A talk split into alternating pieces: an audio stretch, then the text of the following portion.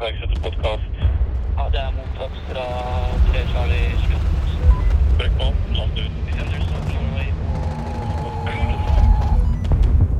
98 podkast. Vi sitter her i dag med Mike, kjent fra diverse sosiale medier. Eh, tidligere eh, soldat i eh, innsatsstyrke Derby i Heimevernet. Og Telemark bataljon. Var vel i, i en BK-tropp der, hvis ikke jeg tar helt uh, feil. Stemmer det. Um, og hatt noen andre erfaringer utenfor uh, de etablerte systemene, hvis vi, kan, eh, hvis vi kan si det sånn. Kan det godt si. Ja. Um, vi skal uh, ta en runde innom uh, de vanlige spaltene her, og tenkte vi kunne, kunne begynne med ti kjappe. Mm. Er du klar for det, Mike? Kjør på. Luft, sjø eller hær? Hva Det- sier du der? Det, det blir nok her. Jeg har ja. null erfaring fra verken luft eller sjø. Eller faktisk, jeg har vært på fregatt på en øvelse. Okay. Ja. Mm. Ja. Var det en uh, fin erfaring? Det, det var en kald og våt erfaring. Det var det. Ok, Det var i Bergen, så det var uh, ja, fuktig. skjønner.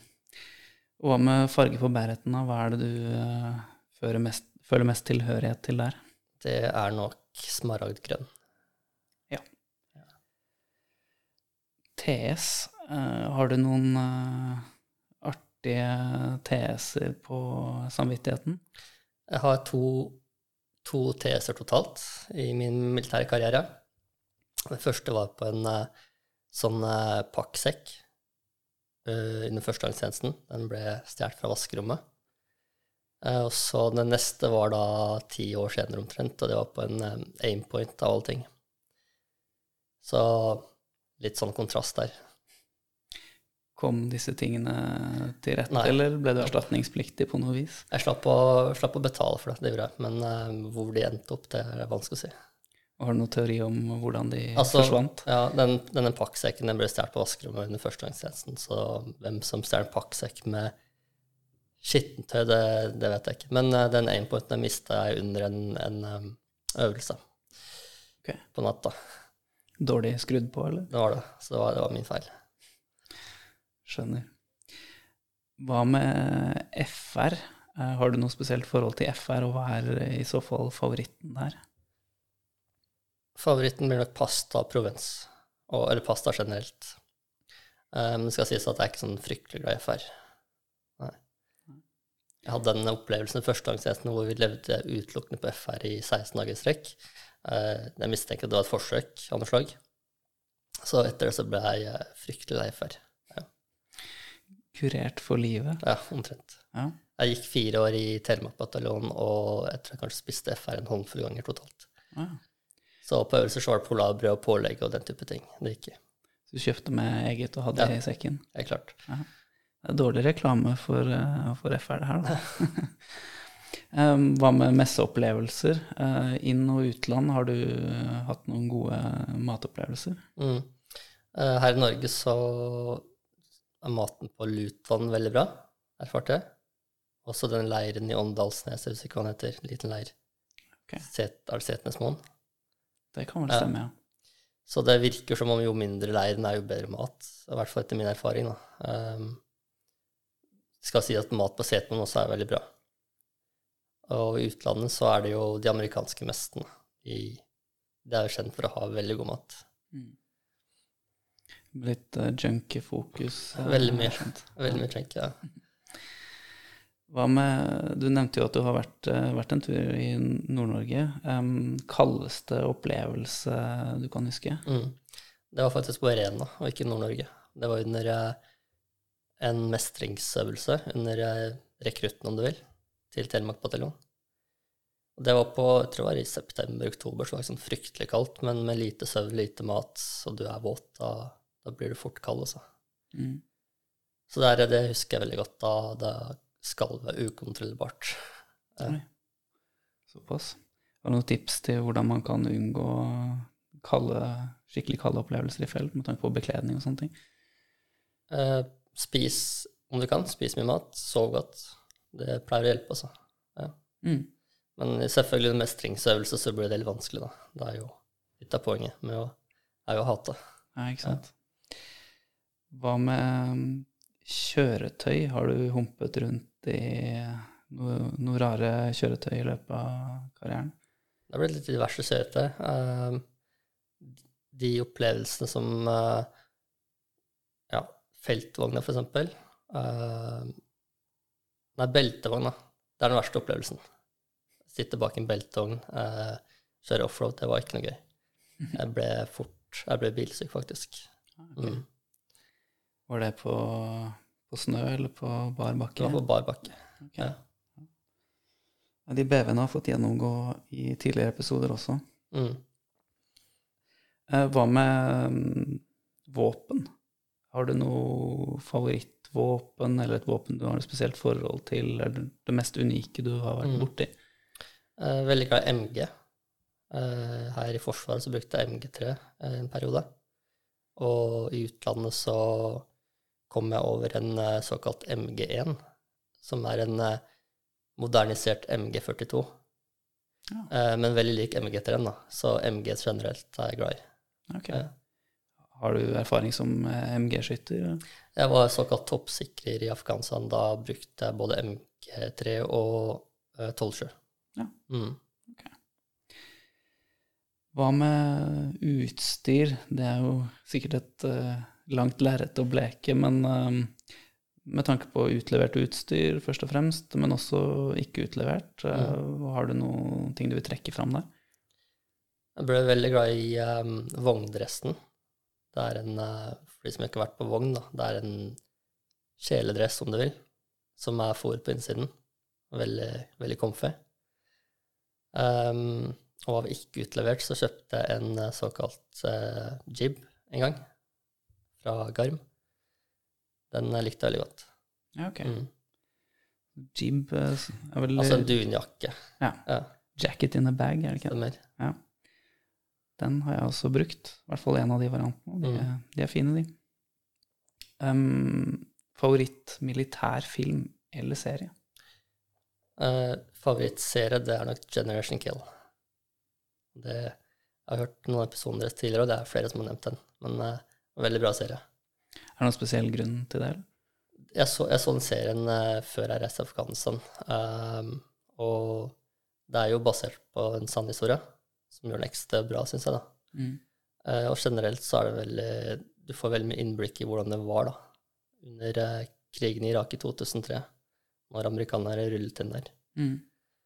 Og så er det mye du kjenner deg inn igjen. da. Eh, litt sånn dårlig befal, dårlig logistikk, den type ting. Du, ja, du kjenner deg igjen, da. Mm. Mm. Ja, den går jo for å være realistisk blant, eh, blant de som har peiling. Ja, og interessant nok så ene skuespilleren der, han spiller jo seg selv. Han eh, Hva heter han? Stemmer. Riktig. Og han har faktisk blitt venn med på Instagram, Ja, helt sånn tilfelle, så det var litt, litt gøy.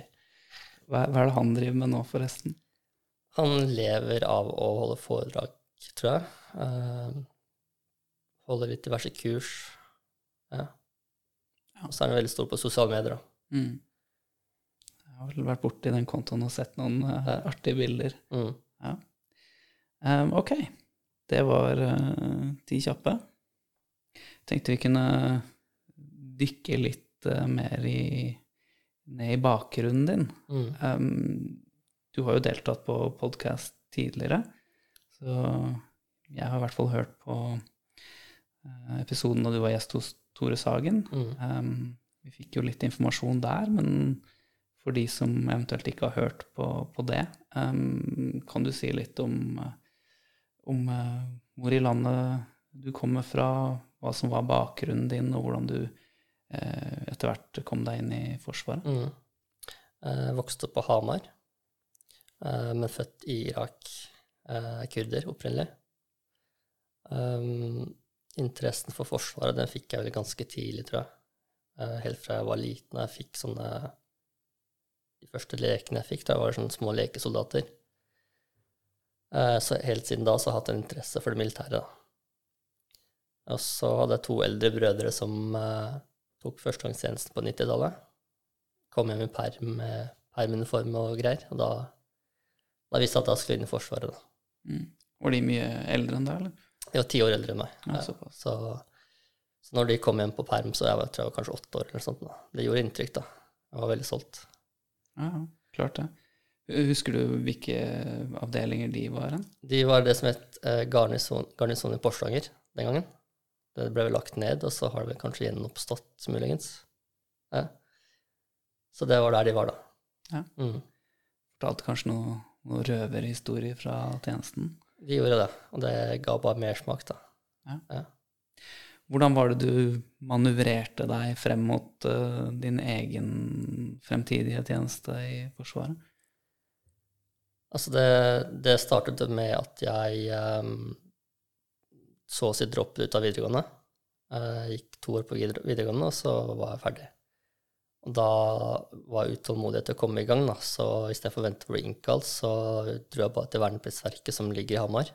Så jeg bare dro dit uanmeldt, gikk inn på et tilfeldig kontor, og så satt en offiser der da, som da sa at uh, ok, uh, vi har ledige stillinger i Garden, uh, eller på GSØ, altså Gardensonen i Sør-Varanger.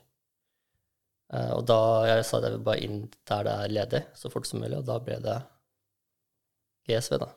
Ja. Mm. Hvor gammel var du da, husker du det? Jeg var ak jeg tror akkurat fylt 18 faktisk. Ok. Så du var klar Så- for å avtjene? Ja. Ja. Og jeg var vel en av de yngste, tror jeg, i, i kompaniet jeg endte opp i. Ok, For jeg, I og med at jeg var der ett år før jeg egentlig skulle inn. da. ja, skjønner. Ja. Så da, hvordan, hvordan gikk det fra du var inne hos, eh, hos eh, vernepliktskontoret til, til du faktisk eh, endte opp i, på GSV? Jeg hadde et halvt år med dødtid, da, om du vil, før okay. jeg ble sendt opp til GSV. Altså, jeg prøvde å lese meg litt opp, uh, men det var ikke sånn fryktelig med info å finne på den tiden på, på internett. Det var i 2003-2004.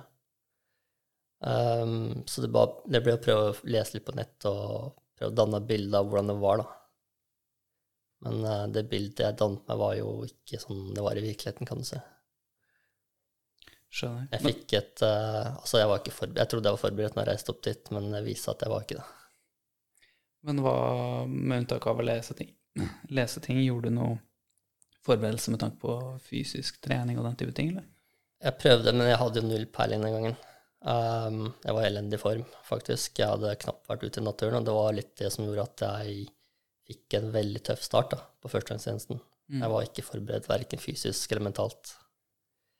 Så uh, mm.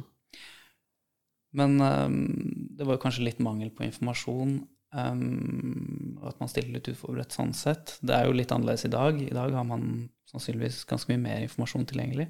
Um, hvis du skulle gjort det her på nytt igjen, da, uh, hvordan ville du gått fram da, som et slags tips til, til andre som skal inn i, i tjenesten? Altså, i, i, dag så finner du jo veldig mye informasjon på internett, på diverse sosiale medier. Uh, så det er ikke mangel på informasjon i dag, føler jeg. Uh, hvis man skal forberede seg til førstegangstjenesten, så er det å bare lese litt, uh, trene litt, prøve å forberede seg mentalt. ja. Mm. Har, vet du om noen gode steder, f.eks. på internett eller på sosiale medier, man kan finne informasjon og lese seg litt opp? Altså I ettertid så fant jeg ut Så kom jeg over det, det som heter milforum.net.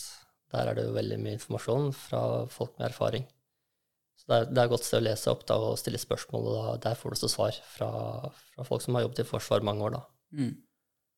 Ja. Um, og så ble du altså, Du reiste opp til GSV da i, i sivilt eh, i første omgang, og så, og så begynte alt sammen der, eller hvordan gikk det til, Mm. Ja, Det startet med at jeg ble sendt opp dit Jeg tror vi ble sendt opp dit i Jeg tror vi fløy opp dit i C-130-fly, Hercules-fly. Det var en veldig kald opplevelse. Eh, og Det var januar 2004, og igjen jeg Jeg hadde knapt vært ute i naturen før. Eh, jeg var ikke noe fysisk aktiv. Eh, jeg, jeg gledet meg til å bli soldat, for det var jo noe jeg hadde drømt om hele livet. Men altså, idet jeg kom ut av flyet der, så en kald januardag, så skjønte jeg at det her eh, Da, da kjente jeg veldig på usikkerheten. Um, Så det ble, jeg fikk en veldig tøff start, altså. Eh, Jeg var ikke forberedt i det hele tatt. Men den gangen så var det også slik at um, da var det ikke konkurranse om plassene, sånn som det er i dag. Da var det jo slik at folk ville jo ikke inn i førstegangstjenesten. Så jeg tror at hvis jeg hadde reist inn, inn opp til GSV i dag, i den, måte, den formen jeg var i den gangen, så hadde jeg ikke vart et par dager engang. Ok. Ja, det var eh, fin timing da det eh, eh, Finnmark i, i januar. ja, ikke sant. Nei, det Altså, i- idet jeg kom ut derfra, så, så, så var det sånn Så begynte jeg å kjenne på en usikkerhet, da. Og, og det var noe jeg tror kanskje også flere kjente på. For det var veldig mange som under rekruttperioden på en måte gjorde det veldig klart at de ville ikke være der. De, man prøvde å søke seg bort og komme seg hjem. Eh, Men sånn er det ikke i dag, da har jeg inntrykk av. Da er det litt mer status å ha fullført førstegangstjenesten. Mm. Hadde du fått uh, forespeilet noe type stilling, eller hvordan type tjeneste du skulle ha der oppe? Det eneste jeg visste på forhånd, var at eh, jeg skulle bli grensejeger, men at det var en, eh, et halvt års utdanning før du ble grensejeger. Så du skulle være i det som kalles for utdanningskompani i et halvt år. Og når du var ferdig der, så ble jeg sendt ut på grensen på en av de seks grensestasjonene som eksisterte den gangen. Nå er det vel færre, tror jeg. Um, så da var det fire uker rekrutt, og så var det fem måneder med, med utdanning, og så var det seks måneder på grensen. da. Og det var først etter rekrutt man på en måte Eller ja, det var i løpet av utdanningsperioden du fikk vite hvordan stillingen du fikk, da. Hva er det man kan typisk, eh, eller i hvert fall den gangen, da, hva var det man kunne velge mellom eh, type stillinger? Som grensejeger så var du enten patruljefører, skarpskytter, sannhet eller samband. Ja. Det var de fire valgene du hadde, Okay. Og så var det jo det som kaltes for garnisonskompaniet, som var på en måte Hvis ikke du var skikket til å bli grensejeger, så havnet du der, da. Da var du enten kokk eller vaktsoldat eller sjåfør. Og man fikk en rolle basert på hvordan man presterte under den rekrutten? Eh, Ja, og, men det, igjen, da. Uh, vi, under rekrutten så erfarte jeg at jeg, jeg igjen, jeg var ikke Jeg følte meg ikke skikket til å bli grensejeger, fant jeg ut. Jeg hadde jo aldri stått på ski før. Så da jeg kom dit, så, på, så fikk du ski på beina av en sekk som veide nesten like mye som det du selv gjorde. Uh, så, så jeg slet det veldig, så jeg prøvde å søke meg over til garnisonskompaniet. Jeg tenkte at uh, jeg kan gjerne være kokk, det går fint, det. Bare slippe å dra til grensa. Men, uh, men det var veldig mange som også søkte på det samme, da. Eh, Så da sa troppssjefen at uh, du, du skal bli grensejeger, da. Så jeg måtte bare fortsette det utdanningsløpet. Litt sånn halvveis mot min vilje, egentlig. Ja. Er du glad for det i ettertid, at det ble sånn at du ble motivert til Eller kanskje ikke motivert, kanskje du ikke fikk noe valg i det hele tatt, men at det, at det endte opp sånn som det gjorde? I ettertid så er jeg veldig glad for det, fordi de rekruttene spesielt var veldig ille. eh, Og utdanningsperioden, de, altså de neste fem månedene, var jo også ganske tøff, da. Um, men når jeg, når jeg kom ut på grensen, så var, var det en helt annen type tjeneste. Det var eh, Man jobbet i små lag, firemannslag, og det kunne gå to uker uten at du så befal. Så man ble veldig selvstendig, og over tid så kom jeg også i form, da fikk litt bedre selvtillit. Ok. Så fenriken var ikke med ut på, på alle patruljene? Nei, vi, vi så veldig lite til befalet, faktisk, så, så man ble veldig fort selvstendig, da. Og um, igjen, man, jeg kom også i bedre form, vi gikk veldig mye. Gikk patruljer annenhver dag, lange patruljer, flere par timer om gangen. Så, så over tid så kom jeg i form, og den tiden i utdanningskompaniet ble litt sånn glemt, da. Kan, eh, kan du fortelle litt hva, hva gjør en grensejeger? Hva er, hva er ditt oppdrag da? Oppdraget til grensejegeren er jo å passe på grensen mot Russland, da.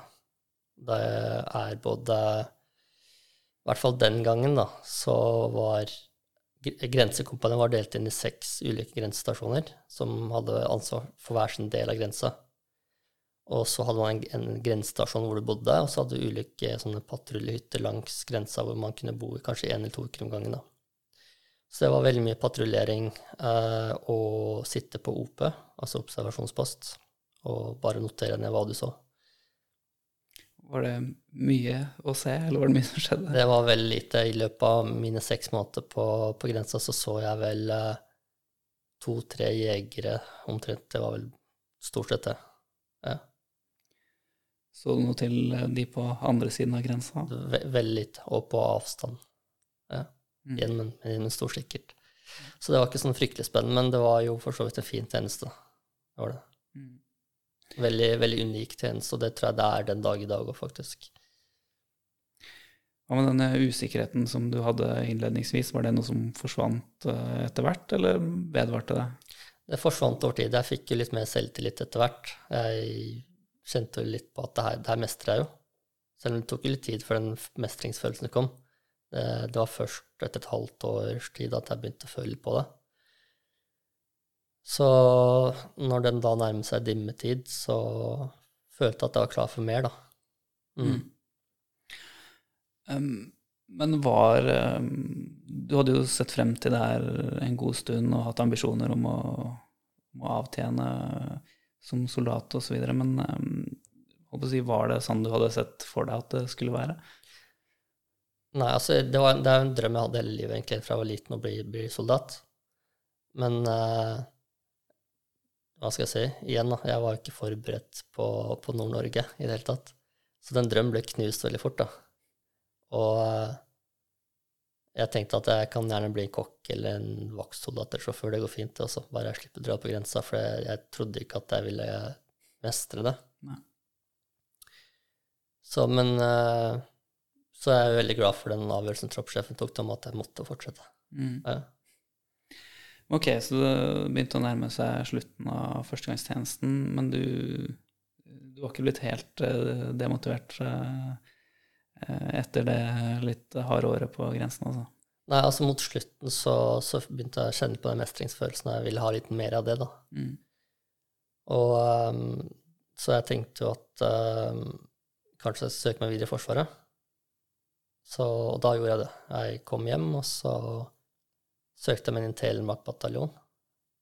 For den gangen så var det liksom Det var jo litt nytt, da.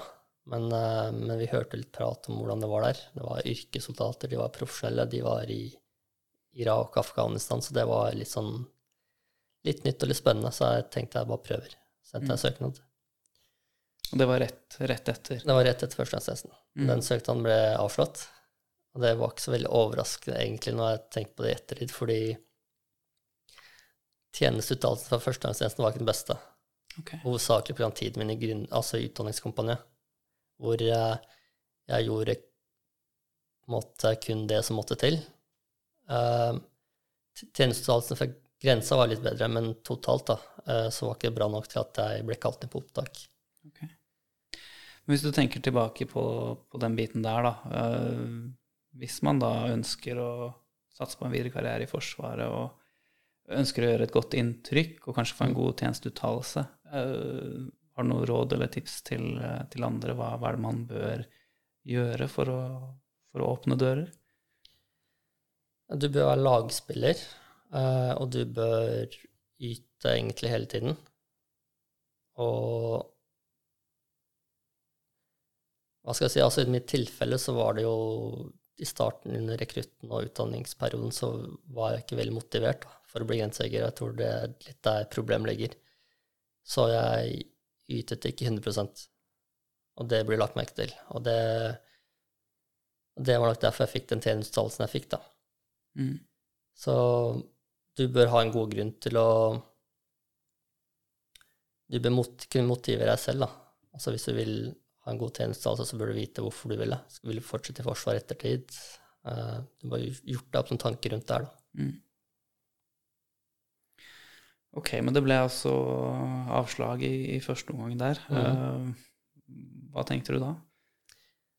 Det var litt, litt nederlag, eh, fordi jeg hadde jo på en måte helt mot slutten av førstegangsresten så tenkte jeg at det her vil jeg fortsette med. Og så fikk jeg et brev da, hvor det stod til sorry, kommer ikke inn. Men eh, etter det så flyttet jeg til Oslo, og så fant jeg meg en jobb der. Og trivdes helt greit. Siviljobb? Siviljobb, ja. Mm. Men, men så var det likevel Jeg vet ikke, jeg følte meg ikke helt ferdig med militæret, hvis du skjønner. Og så en dag så dukket opp et brev fra det som het Heimevernets innsatsstyrke, det het vel i dag òg. Det var en reklamebrosjyre, um, og denne gangen så var det ganske nytt, da. De hadde vel oppretta et par år i forveien. Og hvor det stod at jeg var kvalifisert til å søke, så da tenkte jeg prøver. Sendte jeg søknad, og så ble jeg kalt det på opptak. Ok. Bare akkurat den uh, brosjyren du fikk, var det bare helt uh, tilfeldig, eller hadde, var det noe du hadde bedt om å få til? Nei, det var veldig tilfeldig, men jeg antar at de sendte den ut til folk som hadde dimittert i løpet av et par siste årene, kanskje. Ok. Ja. Jeg hadde vært sivil i to-tre år, tror jeg. Tre år. Da jeg fikk den brosjyren. Ok. Så innsatsstyrkene var mer interessert enn en TMB-en på det tidspunktet der. Ja, men jeg, altså, jeg skal, hvis jeg skal gjette, så ble den sendt til veldig, veldig mange. Ja. Ja. Men det, det fungerte, og det fikk meg til å søke, søke opptak. Ja. Jeg hadde jo aldri hørt om det før. Ja. Så fikk jeg her, den brosjyren, og så var det å lese litt på nett, og så sende søknad. Ja. Mm. Var det mange som beit på den kroken, holdt jeg på å si? Var det, var det mange som møtte opp eh, på opptak? Vi var veldig mange på opptak, um, og opptaket var overraskende hardt. Jeg hadde hørt om Heimevernet tidligere, og hadde dalt meg inn et bilde av hvordan det var, da. Men eh, det bildet ble knust på det opptaket, for det var, det var, selv om det var bare tre dagers opptak, så var det beinhardt. Det var intenst. Det var tre dager med nonstop eh, action, holdt jeg på å si. Mm. Det var jo noe som falt av underveis òg, så det var um, Så det var, det var veldig profesjonelt opptak, og det er vel fremdeles i dag også, har jeg inntrykk av. Mm. Husker du noe om hvilke momenter du måtte gjennom i det opptaket? Veldig mye romersk ildmarsj, nærkamp, skyting, en del intervjuer litt sånt. Mm. Mm. Hvordan var det med forberedelsene før det, da? Hadde du den gode grunntreningen satt igjen fra førstegangstjenesten, eller hadde du gjort noen eh, erfaringer fra tidligere og forberedt deg på annen måte enn enn første gangen? Der også var jeg ikke sånn fryktelig godt forberedt, egentlig. Eh, Jeg hadde smått begynt å trene etter førstegangstjenesten, med litt vekter, jogget litt innimellom, men ikke noen jeg Trente ikke veldig målrettet mot opptaket, det gjorde jeg ikke. Men det var også fordi jeg visste ikke hva opptaket gikk ut på. Nei. Så tips til folk som vil søke seg inn der, er eh, å være i god form og uh, være en lagspiller. Ja, være generelt god form, og så gå, kanskje gå en del med sekk. Det ble veldig mye gåing med sekk. Uh, mye romersk ildmarsj, som sagt. Og det var veldig mange som sleit med knærne og legger og sånne ting. Uh, og det gjorde jeg selv faktisk. Jeg fikk jo beinbetennelse under opptaket. Ja. Mm. Hvordan håndterte du det? Uh, I ettertid så har jeg klart å trene bort, faktisk, med diverse tøyøvelser. Ok. Ja. For de som ikke er kjent med romersk ildmarsj, kan du eh, kort forklare hva det går ut på? Det er eh, rask eh, marsj, men eh, bakerste mann må løpe i front. Og når, når han når front, så skal bakerste mann og igjen løpe i front. Mm. Så det er jo konstant marsjing, og så er det litt løping i, imellom der, da. Mm. Ja, så det, er, det kan være ganske brutalt, spesielt når det her pågår over tid, da. Mm. Jeg har vært borti noen sånne selv, og det er interessant. Um, ja, hvordan gikk, eh, hvordan gikk dette opptaket? Det gikk, eh, det gikk overraskende bra, faktisk. Um, når jeg kom hjem, så var jeg jo ganske mørbanka etter en, en diverse nærkampøvelser. Men, men det føltes bra. Jeg hadde litt mestringsøvelse, for jeg, jeg følte at jeg presterte helt ok, egentlig. Uh, og det fikk jeg bekreftet i ettertid, og jeg fikk jo da et brev i posten hvor det stod at jeg hadde bestått opptaket, da. Så det var eh, så da var det inn tilbake til grønt, da, på deltid riktignok, men likevel, det var jo et steg i riktig retning, følte jeg. Mm. Hvordan foregår den balansen? Du nevnte jo deltid. Altså, man har gjerne en sivil jobb, men i tillegg er inne til tjeneste. Hvordan løser man det i praksis? Det var ikke et stort problem for meg. Eh, Jeg hadde ikke noe Jeg var singel, jeg hadde ingen familie, eh, sånn sett, og opptak Eller eh, øvelsene var jo en helg hver andre hver tredje måned, kanskje. Så var det gjerne en, en stor øvelse i året, da. Så det var ikke sånn veldig tidkrevende, følte jeg. Faktisk hadde jeg helst sett at vi hadde flere øvelser, da, eller oftere. Mm. Mm. Um, hvor mange døgn cirka i året? 15, 15 og 20, kanskje? Kanskje færre, altså. Mm. Ja. Men jeg, eh, jeg prøvde å ta noen kurs og litt sånne ting, for jeg følte Jeg var jo helt fersk i laget mitt. Alle de andre hadde vært der kanskje et par år, og de hadde litt mer erfaring enn meg, da. Eh, en hadde vært i Libanon og litt sånt. Så jeg, så jeg følte at um, Hva skal jeg si Jeg følte at de andre hadde mye mer erfaring enn meg, da. så jeg prøvde hele tiden å ta, ta på meg kurs og stille opp på egentrening og den type ting. Mm. Um, dette med, eh, med erfaringer, altså um, Følte du at du kunne surfe videre på, på det du hadde lært uh, på grensen, eller var det nye ting du måtte lære deg, og gjennom en slags ny rekrutt på nytt igjen? Mhm. Det, det var nettopp det som var et problem, fordi tjenesten på grensen var ikke relevant til det vi gjorde. Jeg havnet i en såkalt innsatstropp, hvor man eh, De trente gjerne litt mer på SIBO og den type ting, altså strid i bebygget område. Det hadde jeg aldri vært borti. Så det var eh, Alt føltes veldig nytt, da. Jeg følte meg som, som fersking i laget, og jeg var jo det, for så vidt. Så eh, det var mye å sette seg inn i. Um, og jeg hadde helt den følelsen av at jeg, alle, andre hadde mer erfaring enn meg. Og det var litt sånn Jeg prøvde å gjøre noe med det, men ta på meg noen kurs eller sånne ting. Men um, ja. Skjønner. Eh, Hvor lenge var du i, i innsatsstyrken? Jeg var vel der i rundt uh, ett år før, um, før jeg fikk et tilbud, eller mulighet, da, om du vil, til å reise til Afghanistan gjennom innsatsstyrken. Ok, hvordan foregikk det? Det, det foregikk ved at jeg fikk en e-post, det var vel desember 2009, tror jeg. Jeg fikk en e-post fra lagføreren min, som han egentlig skulle ha sendt mye tidligere, men han har glemt det. Eh, men der sto at eh, eh, innsatsstyrken skulle sende åtte mann til Afghanistan. Og søknadsfristen den gikk ut om to dager. Så da var det bare å søke, da. Eh, og så ble jeg kalt inn på et lite opptak, som bare var noen fysiske tester og 3000 meter. Og så um, var det å vente på svar, da. Mm. Var det mange som var interessert i det? Nå var det jo veldig kort frist her, da, så det kan jo ha vært problematisk i, i praksis for noen, men, men var det generelt uh, stor oppslutning rundt å delta på det oppdraget? Jeg fikk inntrykk av at det var det. Um, så når vi var på opptaket, så jeg husker ikke hvor mange vi var, men uh, de trengte åtte mann, sa de, samt to mann i reserve, da. Og på opptaket så var det kanskje et tjuetalls personer, muligens. Så alle, alle de var rekruttert internt fra, fra innsatsstyrken? Riktig. Mm. Håper å si, hva, vet du noe om hva de selekterte på, eh, de som gjorde det? Nei, for det var jo det var, Jeg tror ikke det var et intervju engang. Det var kun fysiske tester. Men jeg ser for meg at de som eh, rekrutterte, de tok jo sikkert noen prat med troppssjefer eller sånt, da, for å vite, eller danse bilde av hvem det var som søkte. Mm. Mm. Og visste du noe om eh, hva man skulle gjøre i, dersom man kom med og, og reiste nedover til Afghanistan? Visste veldig lite. Det som sto i e-posten, var at de trengte åtte mann til et såkalt Force Protection-lag. Um, som måtte være oppsatt på IVK.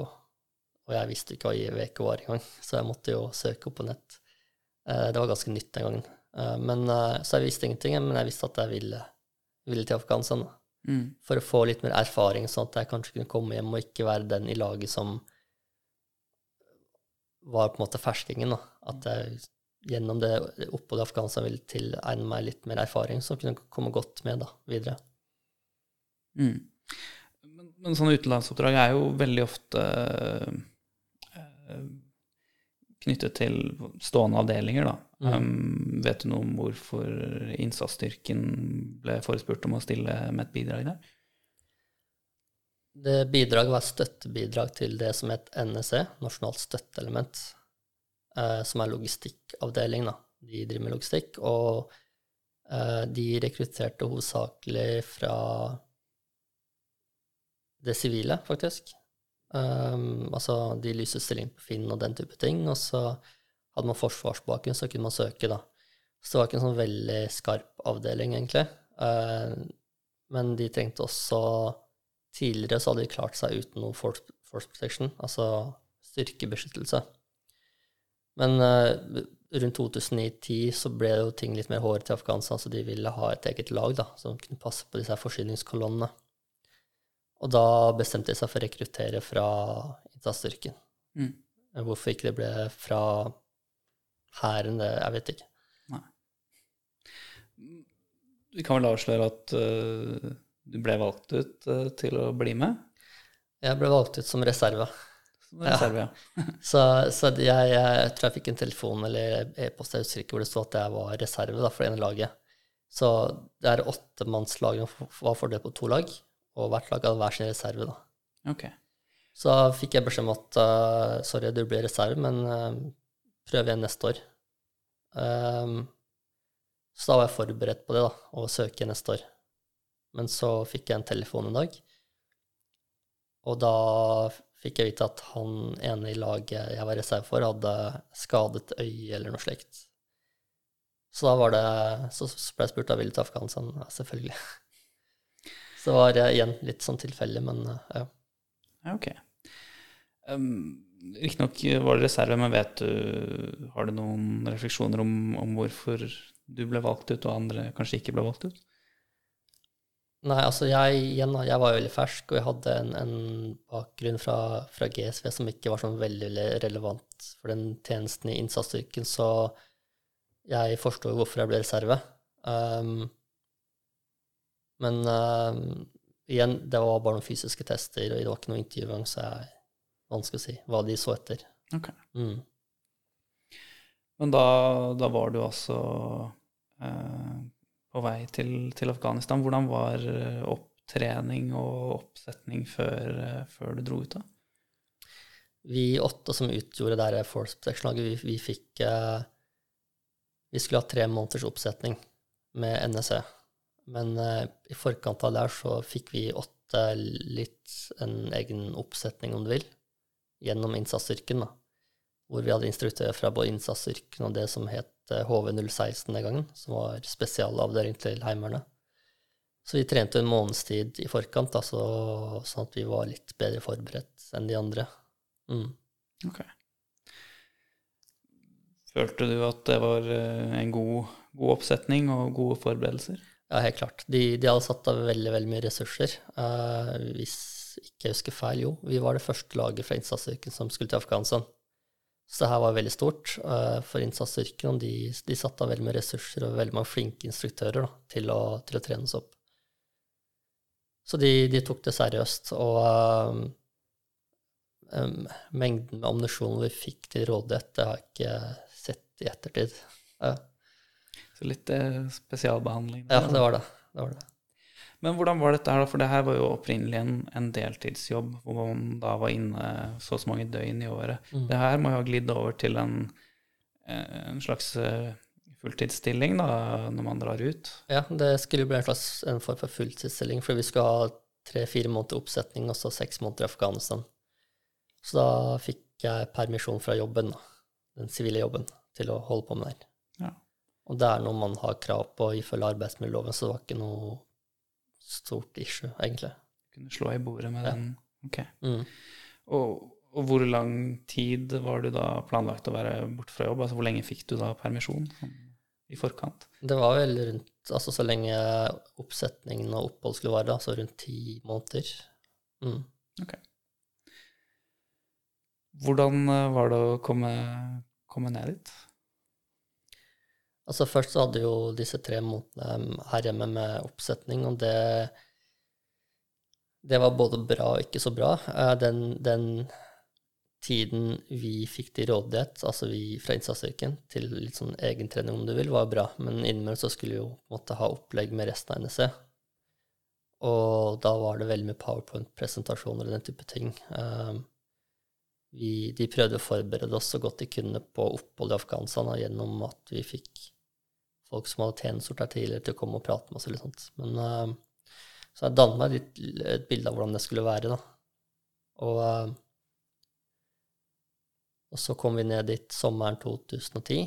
Uh, og da, som sagt, ting begynte å bli hårete på den tiden. Vi hadde i løpet av et halvt år i forveien så hadde vi mistet fem mann eh, der nede. Så, så vi var på en måte forberedt på strid, da. Ja. Hva syntes familien om at du skulle til Afghanistan? De var ikke så begeistret for det. Eh, Vi flyktet jo fra Irak pga. krig. Og når jeg da fortalte meg at jeg skal til Afghanistan, så de tok det ikke så veldig bra. Nei. Ok. Eh, faren min prøvde å bestikke meg med penger, og moren min gråt, men eh, jeg var på en måte innstilt på at jeg, må, jeg skal ned dit. Ja. Fikk du deres velsignelse til slutt, eller måtte du på en måte bare dra på tross av hva familien sa? Altså, de, de aksepterte det jo for så vidt, men de prøvde likevel å overtale meg fra å ikke dra, eller ikke dra. Mm. Hvordan var førsteinntrykket når du satte støvlene på bakken eh, i Afghanistan? Førsteinntrykket var at det var veldig varmt. Eh, Jeg kom ut av flyet og kjente en varme jeg aldri hadde kjent før. I et lite sekund så trodde jeg at jeg sto altså innbilte meg at jeg sto kanskje foran flymotoren eller et eller annet, at det var varm luft som kom derifra. Men eh, så gikk jeg videre ned trappa, så var det fremdeles like varmt. Eh, Men vi var i en eh, veldig stor leir, en internasjonal leir med rundt 5000 soldater, så det her var som en egen by, om du vil, da, atskilt fra resten av det lokale samfunnet. Så det var litt vanskelig til å begynne med å danse bilde av hvordan ting var, da, i og med at du var inne i en militærleir med med Det var kiosker, butikker, ikke sant. Eh, teltene vi bodde i, var av god standard. Det var liksom Følte ikke helt at det var en krigsområde. Mm. Mm. Um, sånn ge geografisk, hvor er vi plassert hen nå? Eh, Mazar-e Sharif det er i Nord-Afghanistan, og det var der de aller fleste norske styrkene var på den tiden. Ja. Hva var deres første oppdrag, husker du det? Eh, vårt første oppdrag, og stort sett alle oppdragene vi hadde, var jo å passe på disse forsyningskolonnene som kjørte mellom de norske leirene i nord, da, mellom Mazar-i Sharif med Mana. Da, da var det snakk om forsyningslastebiler, og vi, laget vårt, vi fungerte som en ja, livvakter, om du vil, for dem. Så vi kjørte i front av kolonna bakerst i kolonna med våre egne kjøretøy bare og passet på dem. da. Det var stort sett det vi gjorde. Eh, Og så hadde vi en del eskorteoppdrag i Kabul, faktisk. Så innimellom så ble vi flydd ned til Kabul um, for å delta på sikkerhetsopplegget rundt VIP-besøk fra Norge. Altså om forsvarsministeren kom på besøk, eller forsvarssjefen, så var vi der nede og støttet PST og FSK militærlivvakt med, med sikkerhetsopplegget. Dere åtte Mm. i, laget fra, fra innsatsstyrken.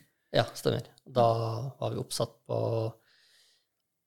pansrede Toyota Land Cruisere. Mm.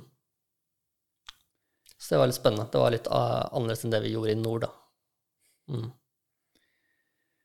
På å si, er det noen eh, spesielle hendelser eller interessante opplevelser i den perioden som, som har brent seg fast i minnet?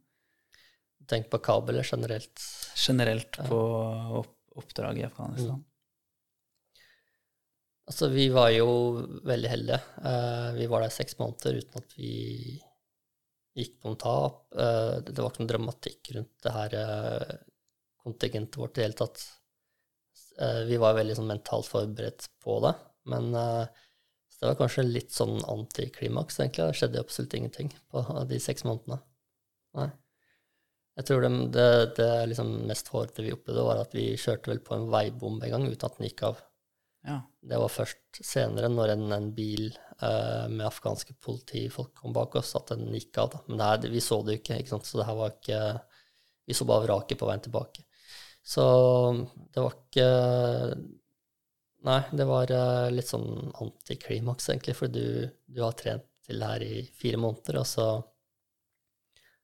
har du dannet deg det bildet her av at eh, du, du vil oppleve strid der nede, og så skjer det ikke, da. Så du havnet ikke i noen situasjoner hvor du følte at du fikk eh, praktisert det det du hadde trent på? Nei, og jeg tror det var flere i laget mitt også som følte litt på en skuffelse. Da. For det, er, det høres ikke kanskje rart ut, men når du, når du har trent for det her veldig lenge, um, og så får du ikke bruk for de ferdighetene du har trent på, da, det er litt sånn nedtur. Hvor, lang tid tar det egentlig å kjøre fra Mes til Meimane? Hvor, hvor lang er den distansen der? Mm. Jeg husker ikke lengden eller avstanden, men det tok eh, mellom seks og åtte timer. Ja. Og da var det kjøring nonstop. Vi, vi stoppet sjelden opp. Det var eh, bare å komme seg dit så fort som mulig. Hvordan, hvordan er infrastrukturen i Nord-Afghanistan? Er det asfalterte veier, eller kjører du nå på grus og sand? Det var asfalt hele veien, og, og jeg vil si at veien der er, eh, hadde bedre standard enn de her i Norge. Og det kommer at det var eh, kineserne, de bygde veier. Mm. Så, så det var eh, Før de bygde denne veien her, da, så var det en grusvei. Og vi ble fortalt av, av, altså de første norske styrkene når de var der nede, så kunne vi bruke to-tre dager da, på den strekningen. Og så kom kineserne og bygde denne veien her, ringveien som heter, og så var det gjort på seks timer. Og disse forsyningene som dere skulle passe på, det var type proviant og ammunisjon og den type ting som ble flydd inn til, til Mes da det skulle transporteres rundt? Eller? Ja, helt riktig. Det ble flydd inn til Mes fra Norge og sikkert andre land òg. Uh, og denne leiren Mes var jo enorm. Som sagt, 5000 soldater fra diverse land. Uh, campen i Memane, den norske campen, der var jo mye mindre, da. Så det var ikke noen mulighet for å lande store fly der. Så alt ble flyttet til, til Mes, og så var det kjøre dem lastebiler da, til, til Memane. Var det Forsvaret som sto for, for den transporten nå, eller var det noe sivilt, eller var det andre nasjoner, eller hvordan var det? Det var Forsvaret. Ja. Mm. Scaniaer, eller? Eh, pansrede Scaniaer med toppsikrer, altså det vil si en soldat da, som står i takluka med, med noe våpen. Så de hadde, jo, de hadde jo egen sikkerhet, kan du si. De hadde jo disse egne toppsikrerne, men det viste seg at det var ikke nok. Da. Det var da vi kom inn i bildet. Mm. Vi har jo også hatt en slags fast spalte her etter hvert med å, å prate litt om andre nasjoners uh, ja, avdelinger og soldater. Um, har du noen refleksjoner rundt uh, folk du traff på der som ikke nødvendigvis var fra det norske forsvaret? Ja, altså I leiren i Mes så var det hovedsakelig amerikanere og litt tyskere, da. Uh, amerikanerne fikk jeg veldig godt inntrykk av. Veldig profesjonelle folk og veldig, veldig høflige. Det var sånn, det ble alltid omtalt som sir, og det var liksom litt uvant, da. Uh, og tyskerne var litt sånn litt mer firkanta, fikk inntrykk av litt sånn regelryttere. Uh, det fikk vi erfare selv, det var en periode hvor det var vannmangel i leiren, så vi måtte rasjonere på vannet. Og så var det noen kvinnelige befal hos oss som sto på rulleski en dag ute. Da ble det stoppet av tysk MP, for her mente jeg at uh, de kunne ikke svette så mye, for da måtte de dusje og bruke mer vann. Så det, de fikk beskjed om å bare kutte ut med det med en gang. Skjønner, det må jo være uansett et litt sånn spesielt syn. Uh, gå på rulleski i Afghanistan. Mm. Men det var, altså inni leiren her så levde vi på vår egen boble, um, vil jeg si. Du hadde jo riktignok lokale afghanere som var leid inn for å drive med litt arbeid og sånt, men uh, stort sett så om, omgikk vi vår, altså våre egne, og kanskje noen amerikanere og tyskere og litt sånt. Uh, det var ikke så mye kontakt med det lokale, egentlig. Mm. Var det noe utenfor leiren i det hele tatt, eller var det bare innenfor uh, gjerdet hele tiden? I, Bortsett fra på, på oppdragene, selvfølgelig. Eh, nei, det var kun innafor. Det var ikke Når vi dro utenfor leir, så var det som regel for å dra til skytefelt, som lå litt utenfor leiren. Mm. Men det var ikke noe håper jeg, mingling med lokalet. Det, det var det ikke. Skjønner. Um, opplevde aldri noen trusler eller farlige situasjoner utover det du har nevnt? Nei, altså det, den største faren vi, vi sto overfor, ser jeg nå i ettertid, at det var jo på en måte trafikken. Eh, vi var jo noen trafikkuhell for så vidt. så Jeg husker vi kjørte Altså laget mitt var jo oppsatt på Iveco og det som heter Pasi. Pasi er en, en tyngre utgave av Sisun. Så den er, den er ganske tungpansret. Uh, og jeg satt Jeg var stort sett toppsikrer på den, da. Og så var det en gang hvor vi klarte å kjøre over en geiteflokk med den Pasien. Så det var vel rundt 20 geiter som strøk med. Såpass, ja. Uh, så det var en litt interessant opplevelse. Uh, vi hadde jo alltid med oss penger, da. Sånn at vi kunne betale lokale ved når, hvis vi kjørte på dyrene deres. Så det hendte jo. Vi kjørte på kameler og sauer og litt sånne ting. Da, men de fikk veldig godt betalt. altså De fikk vel rundt eh, 100 dollar per geit. Så 2000 dollar for en, en afghansk bonde er jo veldig, veldig mye penger. Ja. Ok. Eh, det ble ikke noe eh, økning i antall påkjørsler eh, etter det? Vi hadde mistanke om det, at, at disse her utbetalingene kanskje førte til at de var litt sånn litt, litt mer uforsiktige, kan du si, når de gikk rundt med disse dyrene sine langs veien. Ja, så det hele foregikk eh, eh, udramatisk, da, skjønner jeg. Mm, jeg vil si det. Eh, Men uh, når vi var der nede, så var vi ofte besøkt uh, det som heter, eller det som het PRT Mimane, som, som holdt til i, i Faryab, da, som var en, en avdeling som besto vel ofte av styrker fra Telemark bataljon. Og de var litt mer operative enn NSE. Og de, de var jo ofte i strid. Det leste jo mye avisen og litt sånne ting hele tiden. Um, så det, jeg må innrømme at jeg var litt misunnelig på de. Uh, og det var også en av grunnene til at eh, når jeg kom hjem da, fra Afghanistan, så søkte jeg til meg på nytt. da. Mm. Mm.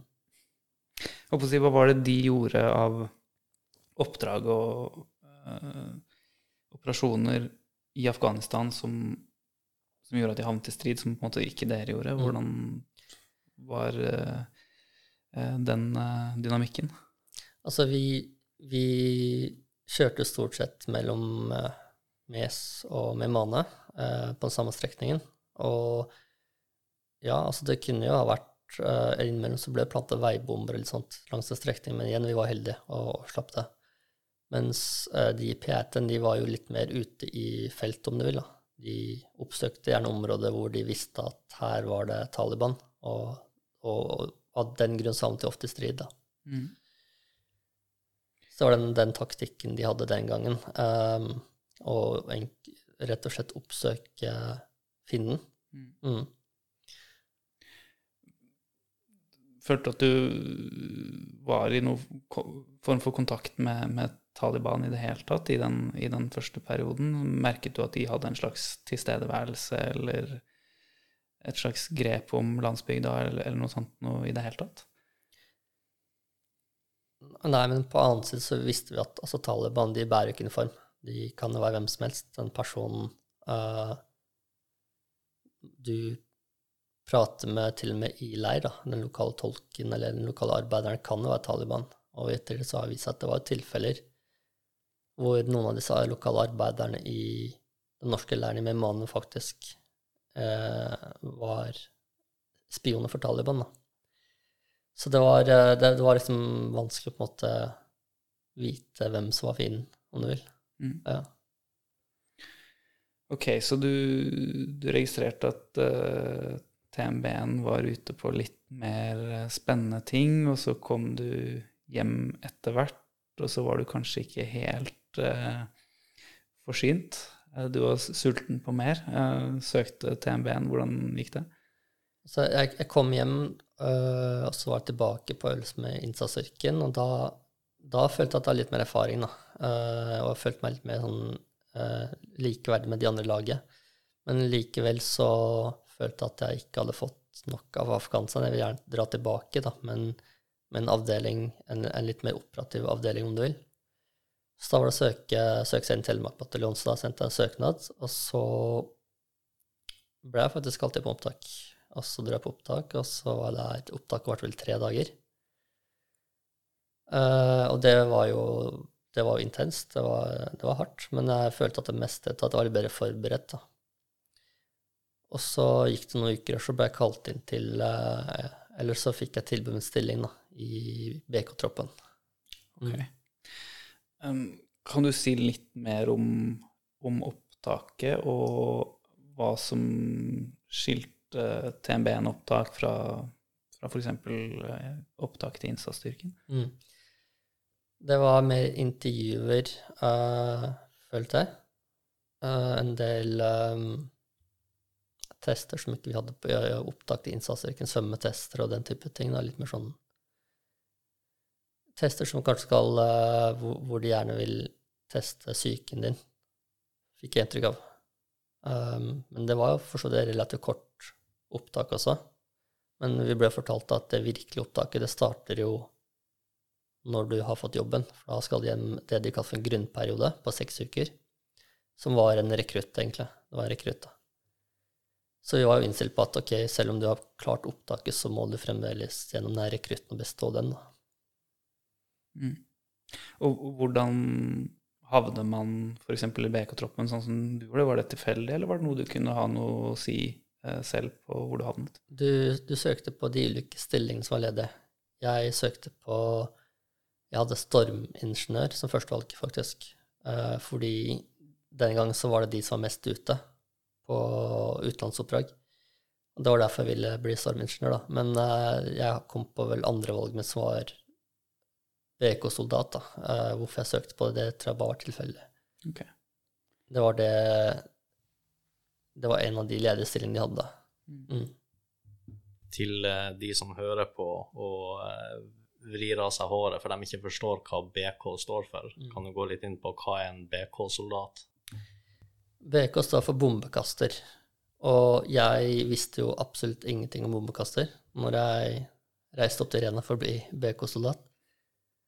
Um, jeg prøvde å søke litt på nett, og litt sånt, men det var eh, vanskelig å danne seg et bilde av hva de egentlig gjorde.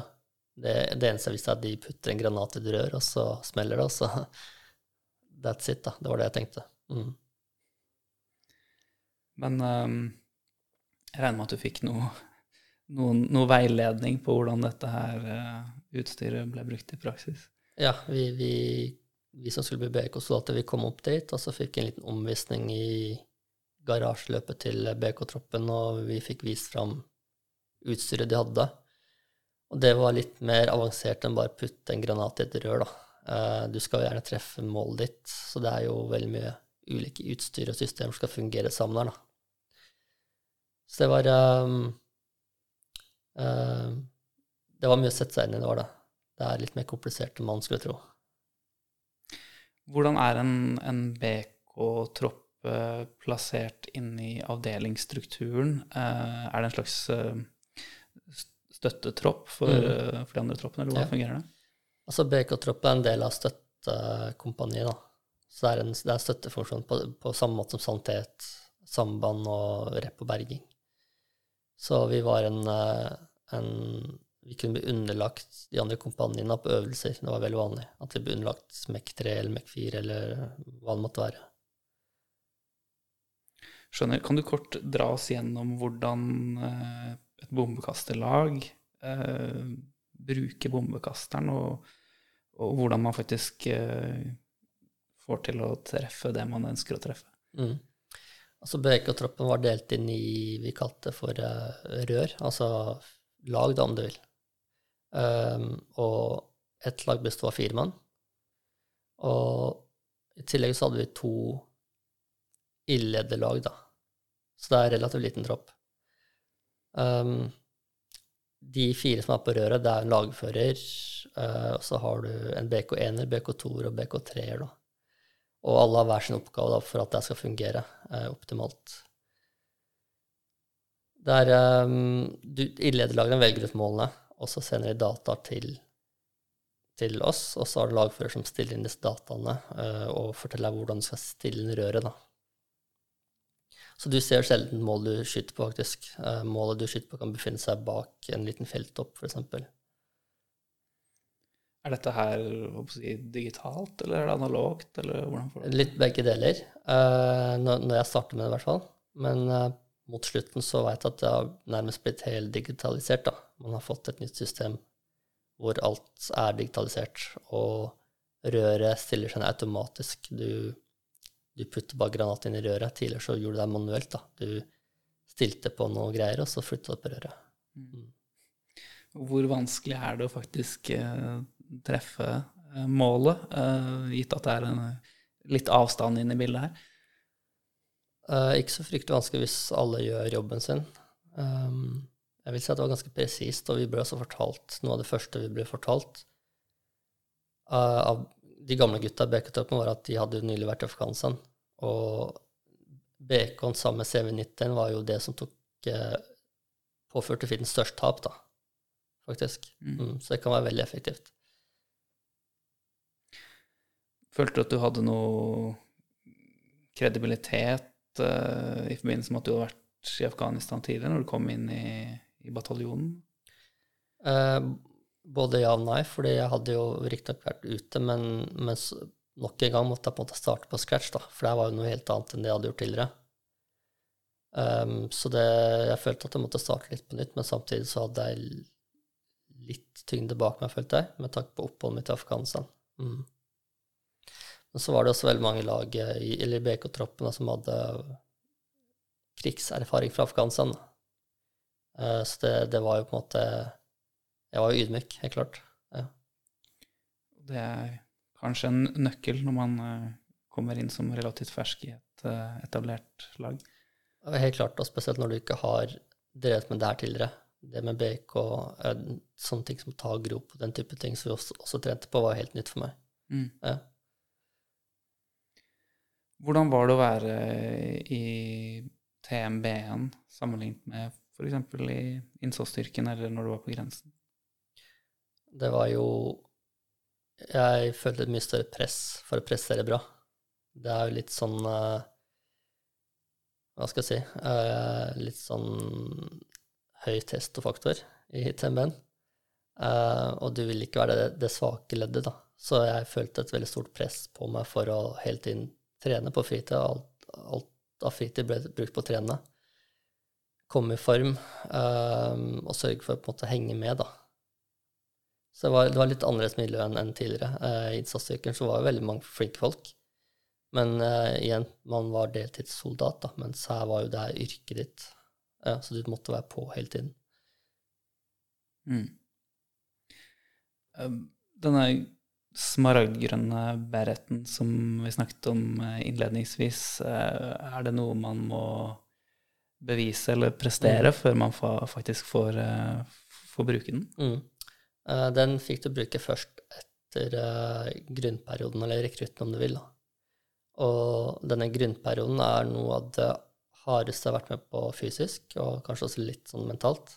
Så det var, det var, det var brutalt. Og det var på et tidspunkt jeg ikke trodde jeg ville klare å fullføre det. Så etter de seks ukene når du fikk den beretten, så var det veldig stort. Det var det. Ja. Jeg, var var, en, jeg følte at det var en prestasjon. Mm. Ja, og kanskje noe som ikke alle eh, klarte å oppnå? Helt klart det var mange som falt av underveis. Det var det. Ja. Eh, Enten fordi de bare ikke ville mer, eller fordi man pådro seg diverse skader da, under opptaket, eller Mm. grunnperioden. Hva var, hva var den tøffeste kneika, da, sånn som du ser tilbake på det, og det å komme seg gjennom den, den perioden der og, og faktisk ende opp med en, eh, med grønn beret? Hva, enten mentalt eller fysisk, hva var det som var det verste? Og hvordan kom du deg gjennom det? Det var jo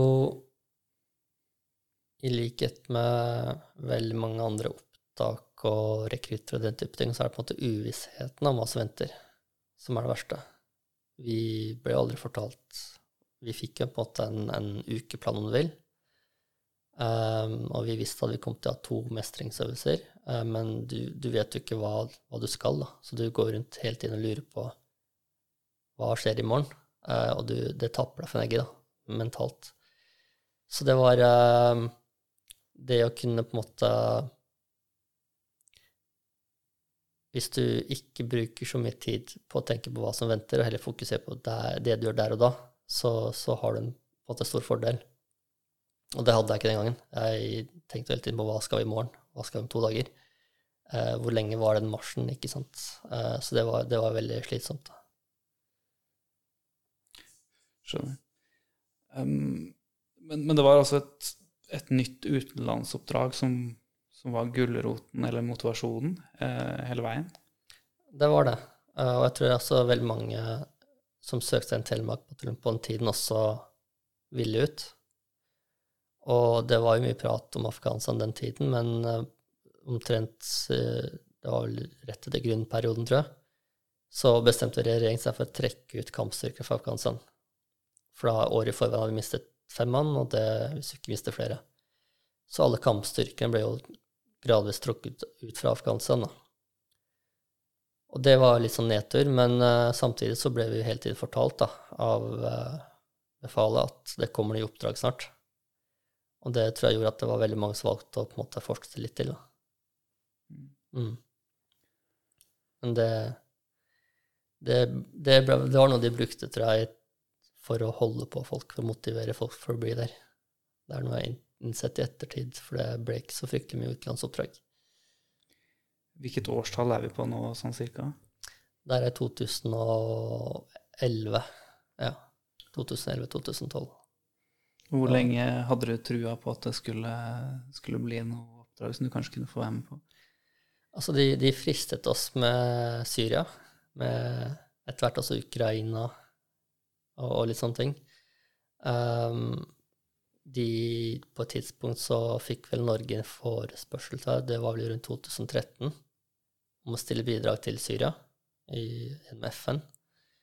Så de begynte jo å gjøre klart oppsett og den type ting. Uh, og det var noe de ofte uh, brukte som en, en, slags form for uh, ja, for å holde motivasjonen til gutta oppe. Og, og prate om utenlandsoppdrag og ja. Mm. Men det materialiserte seg ikke helt? Nei, det, vi fikk vel et oppdrag i Afghanistan i, i 2000, 2013, kanskje, uh, rundt der, som gikk ut på å trene afghansk politi. Men uh, det var jo et oppdrag som foregikk i leir, da, hovedsakelig. Så det var ikke sånn fryktelig spennende. De gutta som var der, de sa jo etter litt at det her var Det var bare tull. Mm. Ja. Skjønner. Um, hvordan er Du er jo på, på Rena da, og er uh, har soldat som yrke. Hvordan, hvordan, er livet fra dag til dag uh, i bataljonen der oppe? Veldig varierende. Um, hvis vi var i leir, så hadde vi gjerne litt sånn normal arbeidstid. da. Du, du møter opp på jobb halv åtte. Um, og så har man enten leir, driver litt med vedlikehold, uh, litt tørrdrill kanskje. Kanskje man drar ut i felt. Og så er det andre uker hvor man bare er ute i felt da, på øvelser. Det kan være i, i området. Eh, det kan være i Nord-Norge eller et annet sted i landet. Jeg har vært på øvelser i utlandet. Var på øvelse i USA i fire uker på et tidspunkt. Det var veldig gøy. Mm. Så, så veldig varierende. Det varierte veldig fra uke til uke, egentlig. Eh, men jeg trivdes veldig godt med det. Okay. Mm. Trente du med noen eh, amerikanske avdelinger når du var i USA? Ja, vi Det var faktisk BK-troppen som ble sendt dit, som den eneste troppen. Uh, og vi ble underlagt et nederlandsk kompani. Og de igjen uh, ble underlagt en amerikansk avdeling da, i det amerikanske sjøforsvaret. Så det var en, en, en maritim øvelse, om du vil. Mm. Hvordan var det å jobbe med nederlenderne, for så vidt amerikanerne, da, men kanskje nederlenderne? Uh, det, det, jeg erfarte på den øvelsen, var at uh, som norsk yrkessoldat, så sikkert soldat generelt, så har vi et ganske høyt nivå så sammenlignet med de i utlandet. Uh, det nederlandske kompaniet de trodde jo at vi var spesialstyrker til å begynne med. Uh, vi, fordi pga. utstyret vårt og vi kunne ha skjegg eller sånne ting. Uh, det kompaniet hadde vel én nattoptikk på deling mellom seg. Vi hadde et sett hver, da. Så, de, så det norske soldater er jo veldig godt trent godt utstyrt, har jeg erfart, sammenlignet med utenlandske soldater. Mm. Er det et rent Eh, budsjettspørsmål, altså bare pøse penger på avdelingen, er det noe annet man gjør som gjør at vi har en høy anseelse i utlandet? Eh, jeg tenker at det er en del av det, i hvert fall. At vi har mye oljepenger som gjør at vi kan Og det at vi er få, da. Vi har et lite forsvar, sånn at man kan bruke mer ressurser og tid på den enkelte. Um, inntrykket mitt av amerikanerne var jo at Eller nederlenderne, for så vidt, er at de er mange og har litt begrenset med ressurser, da. Eh, men det kan selvfølgelig være kulturelle ting òg. Eh, at man er litt mer Ja, hva skal jeg si? Eh, at man er litt mer opptatt av å gjøre ting riktig her, kanskje. Jeg vet ikke. Det er noe i retning der. Så det var jo litt, eh, litt sånn artige øvelser og tur til utlandet som du var med på, men eh, jeg skjønner kanskje etter hvert at eh, det hadde blitt litt lenge siden forrige utenlandstur, og du, du var fortsatt sulten på det. Så jeg, jeg trivdes veldig godt på Rena. Selv om det ikke ble noen utenlandstur, så hadde jeg dannet meg en del Ja, hva skal jeg si Jeg følte meg hjemme på Arena. Jeg gjorde det. Og når jeg var ferdig med treårskontrakten min, så skrev jeg faktisk en ny treårskontrakt. Så jeg var innstilt på å bli der i tre år til. Mm. Det var jeg. Jeg si, er, det noen ting du lærte der, noen si, prinsipper eller erfaringer som du, du fikk eh, i den tiden, som du ser tilbake på og tatt med deg videre og tenkt at det her var nyttig og, og bra greier? Det er veldig mye jeg, jeg har tatt med meg som eh, Som jeg føler har gjort meg til ikke bare en bedre soldat, men et bedre menneske, kanskje. Mm. Er det noen spesielle ting du tenker på? Altså, for det første så kom jeg i kom jeg i veldig god form. Eh, jeg lærte å ikke på en måte gjøre en jobb halvveis, da. Altså bli litt mer opptatt av å gjøre ting riktig. Um, generelt så har jeg fått, fikk jeg veldig mye ut av tiden min på arena. Mm. Eh, Hvordan var det Hadde du en eh, Altså, hvordan rolle eller stilling hadde du? Var du eh, et lagsmedlem? Hadde du noe befalsansvar, eller hvordan var det? Jeg var eh, såkalt BK3-er, da, eh, og det innebar at jeg var sjåfør, blant annet, eller vognfører. Så jeg fikk jo lapp på panservogn og feltvogn, litt sånn forskjellig. Eh, Jeg ble også FIFO-ansvarlig for troppen, altså ansvarlig for den fysiske treningen, da. Mm. Um, så ble jeg også instruktør på, på M113, den panservognen de brukte. Så jeg holdt noen kurs for de nye avdelingene. sånt.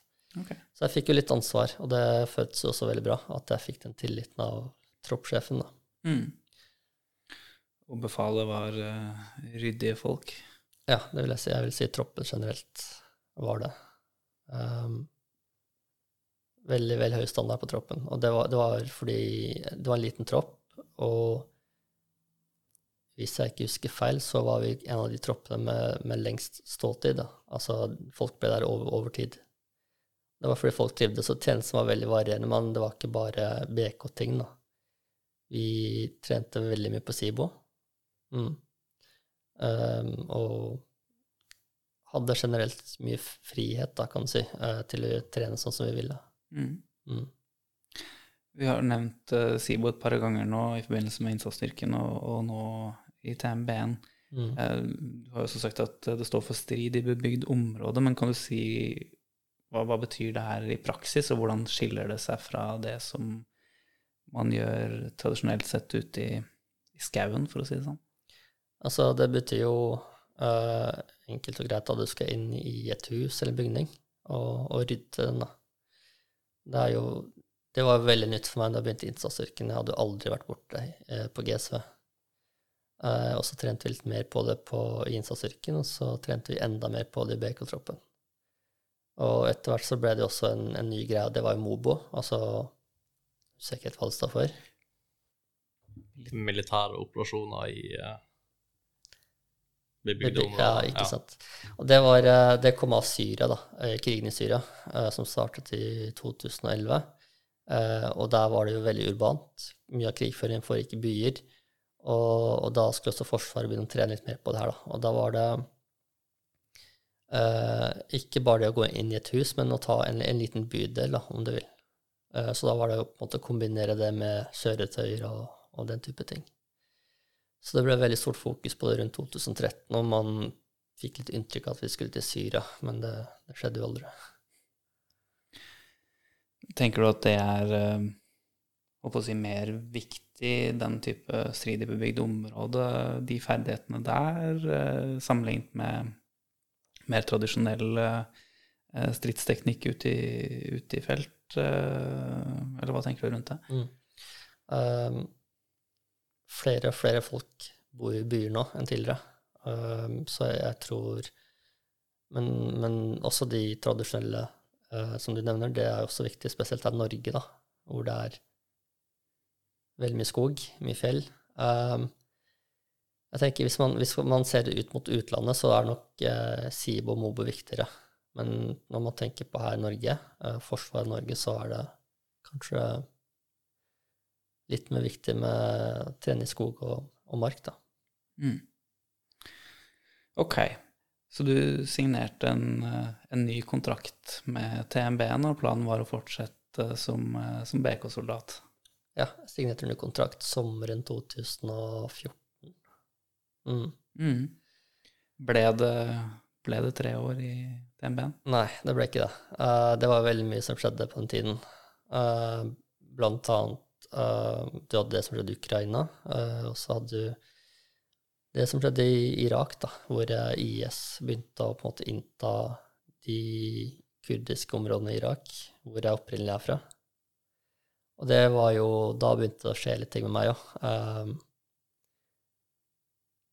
Ja, så det ble, ikke, det ble ikke tre nye år på Rena, for å si det sånn. Det ble det ikke. Nei. Så du, selv om du har bodd i Norge i mesteparten av livet ditt, Eh, så har du en slags uh, tilhørighet til, uh, til, Kurdistan? Ja, altså tydeligvis. Jeg var ikke klar over det selv før 2014. Uh, før det så hadde jeg aldri, jeg hadde aldri reist dit i ettertid, på en ferie eller noe sånt. og jeg så aldri for meg at jeg skulle tilbake dit heller. Men så, så leste man nyheter om det som skjedde, da. hvordan IS massakrerte folk, uh, tok kvinner og barn som slaver, og det var jo veldig provoserende. Uh, og det var enda mer provoserende at ingen var villig til å gjøre noe. Så høsten 2014 så begynte jeg å tenke litt da, på Eller først hadde jeg litt håp om at kanskje Norge skulle bidra i kampen mot IS. Det, det ble veldig fort klart at det kom ikke til å skje, da. Og da begynte jeg å tenke litt på hva jeg kunne gjøre. Så sammen med et par andre på Renna. Um, og de var etnisk norske. Uh, så begynte vi å prate sammen om kanskje å reise ned dit, da, som såkalte krigsfrivillige. Så da begynte vi å Eller jeg begynte å lese litt om det, og så fant jeg at det er, det er kanskje mulig å komme seg ned dit. Slutte seg til en lokal avdeling og delta i krigen mot IS. Mm. Men det spilte kanskje ikke helt på lag med, med jobben din? Nei, altså vi, vi pratet jo ikke om det med noen andre enn oss selv. Da. Vi var tre-fire stykker. Um, og, men uh, de andre var også på en måte motivert for å reise ned. Selv om de var etnisk norske, så ville de bidra i kamp mot IS, for de var jo veldig provosert over at det kunne skje uten at noen grep inn. Mm. Men uh, etter hvert så ble det jo prat om at kanskje Norge skulle bidra likevel, da, med noe styrke for å trene opp de lokale i kampen mot IS. Og da begynte de andre gradvis å trekke seg fra den planen vi hadde. Uh, og så var det bare jeg som på en måte sto igjen, da. Hvordan foregår en sånn uh, si, tankeprosess? Er det sånn når du først har begynt å, å tenke på det, så, så, gir det vanskelig slipp? Eh, eller hva slags planer la du i den perioden der? Uh, ja, men du har helt rett, det var vanskelig å slippe det. Uh, og, men jeg, samtidig så visste jeg ikke helt hvordan jeg skulle komme ned dit, for jeg hadde jo igjen uh, aldri vært der etter at vi kom til Norge som var liten. Jeg hadde ikke noe nettverk der i det hele tatt.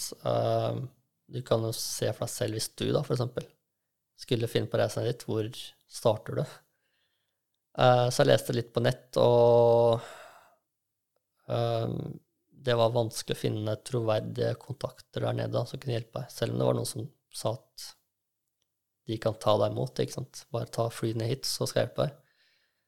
Eh, men så, helt tilfeldig, jeg satt og scrollet på Instagram en kveld, og så fant jeg en, fant jeg en kar, da, som, en, en tysk kurder som var der nede og kriget mot IS.